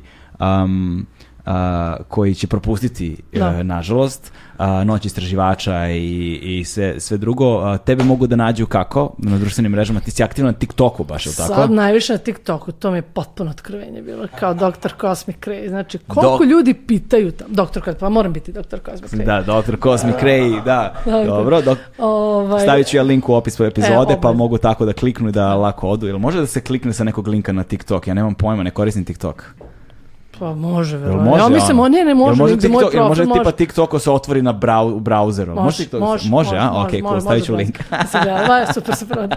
ovaj, da, zato što, ne, potpuno je baš to što kažeš, ne moraš da prođeš kroz ne znam ja šta sve. Mislim, ako hoćeš da se baviš naukom, da, moraš. Ali ako hoćeš da razumeš nauku, da ono, kad je pomračenje, da ne bežiš u pećinu, Mm. znaš, ako hoćeš da si, ono, na svakodnevnom nivou ok sa naukom, da nešto, onda mislim da je sad TikTok ono savršen format, ono u minut dobiš digest ne, nečega nijednog zaokruženog naučnog koncepta i vidim da ljudi to vole. I ne samo ono klinci, ono neka Z alfa generacija, već ono svi, vidim i stariji ljudi i puno engage, puno postoje pitanje. To je, to je način kako se uči, znaš, mm. da ti pitaš gomilu stvari. Ono, najluđe nešto što ti pa, ja se trudim da ono odgovaram na ta pitanja, znaš, I, i, i super znaš, imaš, nemaš puno prostora da ja sad tu raspletem neku priču. No, brate, minut. Da. To je to, a mogu da pričamo, ono, možda ispričaš vrlo cool neke, cool neke stvari. Znaš, ono, tipa to za, za, za 5G, za kvantnu medicinu, za, za zrače. Čeče, kad mi se svi plaše sada rade, svi s njim rengene pluća. Moja mama se plašila kad ja radim rengen pluća ili nečeg. Pa kažem, pa ali to ti je kao da si pojela 500 banana. Znaš, banana je radioaktivna. Šta se plašiš rengena pluća, ono, ne plašiš se banane jedne, ono, otprilike, znaš. Da. Daj ti prostora da na malo neformalni način predstaviš Da. stvari. Ovaj, hvala ti puno na ovom razgovoru, a hvala ti pre svega uh, zato što mi je drago da ne moramo uvek da posežemo za sadržajem na stranim kanalima i na stranim platformama i da ga konzumiramo na engleskom jeziku, nego da postoje ljudi kod nas koji mogu da budu kao Neil deGrasse Tyson, na primer. Razumeš, evo imamo Dr. Cosmic Ray, naš, glavom i bradom ovde. Ovaj, I mislim da je ljudima značajno da mogu na našem jeziku da konzumiraju tu vrstu sadržaja i da znaju da i ovde na ovim prostorima postoje ljudi poput tebe koji se zapravo bave ovakvim stvarima, da to ima gde da se nauči, da imaju gde da se jave, gde imaju, ne, znaš, da nekako nismo ono zapećak sveta u tom kontekstu, znaš, i da, je, i da je u tome je zapravo ogromna uloga tebe i ljudi poput tebe, znaš, i, i, to, i to mi je, i zato je meni naj, zato sam ja presrećan kad, mogu da damo pro, svoj prostor, razumeš, nekom, nekome kao što si ti i baš mi je drago što si došla i hvala ti puno što si se dovukla iz Novog Sada do ovde. Naravno, i hvala tebi što si me Da. zvao, znaš, pogotovo pre noći istraživača, ono, kao. Pa to, To to. je baš super, ovaj. Strava, zato što takvi projekti zaista treba da živi, treba da vas bude više i da, ono, Da sledeće pomračenje dočekamo onako Tako je. spremno S na naočarama za sunce, sa-. Sa, ili onim za zavarivanje. Ili, I Joj, znaš što to je dobro bio- radi? Rengenski snimci, to ćemo nam ostati od korone, Da. ovaj, i stari floppy diskovi. Ono crno iš, iščačkaš iz floppy diska, raščerečiš ga i ima ona crna folija, to ti su. Stra, ja, floppy disk. A to za nas matorce, ono, Da, floppy disk, ono. Da. Znaš, kao u Wordu kad treba da sačuvaju fajl, ima ona ikonica, e, to vam je floppy disk, ono. Ka, šta je fora? Jeste otprintali save ikonicu? I, šti, molim? Znaš, kad klinci vide, ovaj, kad na, nađe, imam mema, klinac nađe i ovu dis, disketu sa starog kompjutera, Aha. kod Ćaleta, kao što ste otprintali 3D, 3D otprintali ste save ikonica. kao, ne. Obrnuo se proces, čoveče, otišao je nazad. Ali dobro, to je razumljivo. igrica, pređi na igrica. Ne, pazi, okej, to je razumljivo. Zašto bi znali šta je floppy disk? To je Da, stvarno, da. znaš, osim nekog ko se ne zanima za takve stvari, to, znaš, nema potrebe da znaju, ali, ali, ali ono, da se vakcinišu, to jebi ga treba, razumeš? Nadam se, čoveče. Razumeš, to je već druga stvar. Tako da nije, nije ista kategorija neznanja u to, u, u, kada, kada govorimo o tim Da, stvarima. baš zbog toga treba više da pričamo o ovakvim stvarima, bolje o nauci, ova naučna komunikacija, A, noć istraživača i više ljudi Ili koji ima neki pričaju o sajt nauci. za noć istraživača? E, ima noć istraživača.rs i na Instagramu imamo noć Super. istraživača Novi Sad. Sve linkove ću staviti u opis epizode. Ako nas slušate, ima i tu, ukoliko nas gledate, u opisu videa. To je to, Tijana. Hvala puno. Hvala ti puno, gotovo. Ćao. Ćao.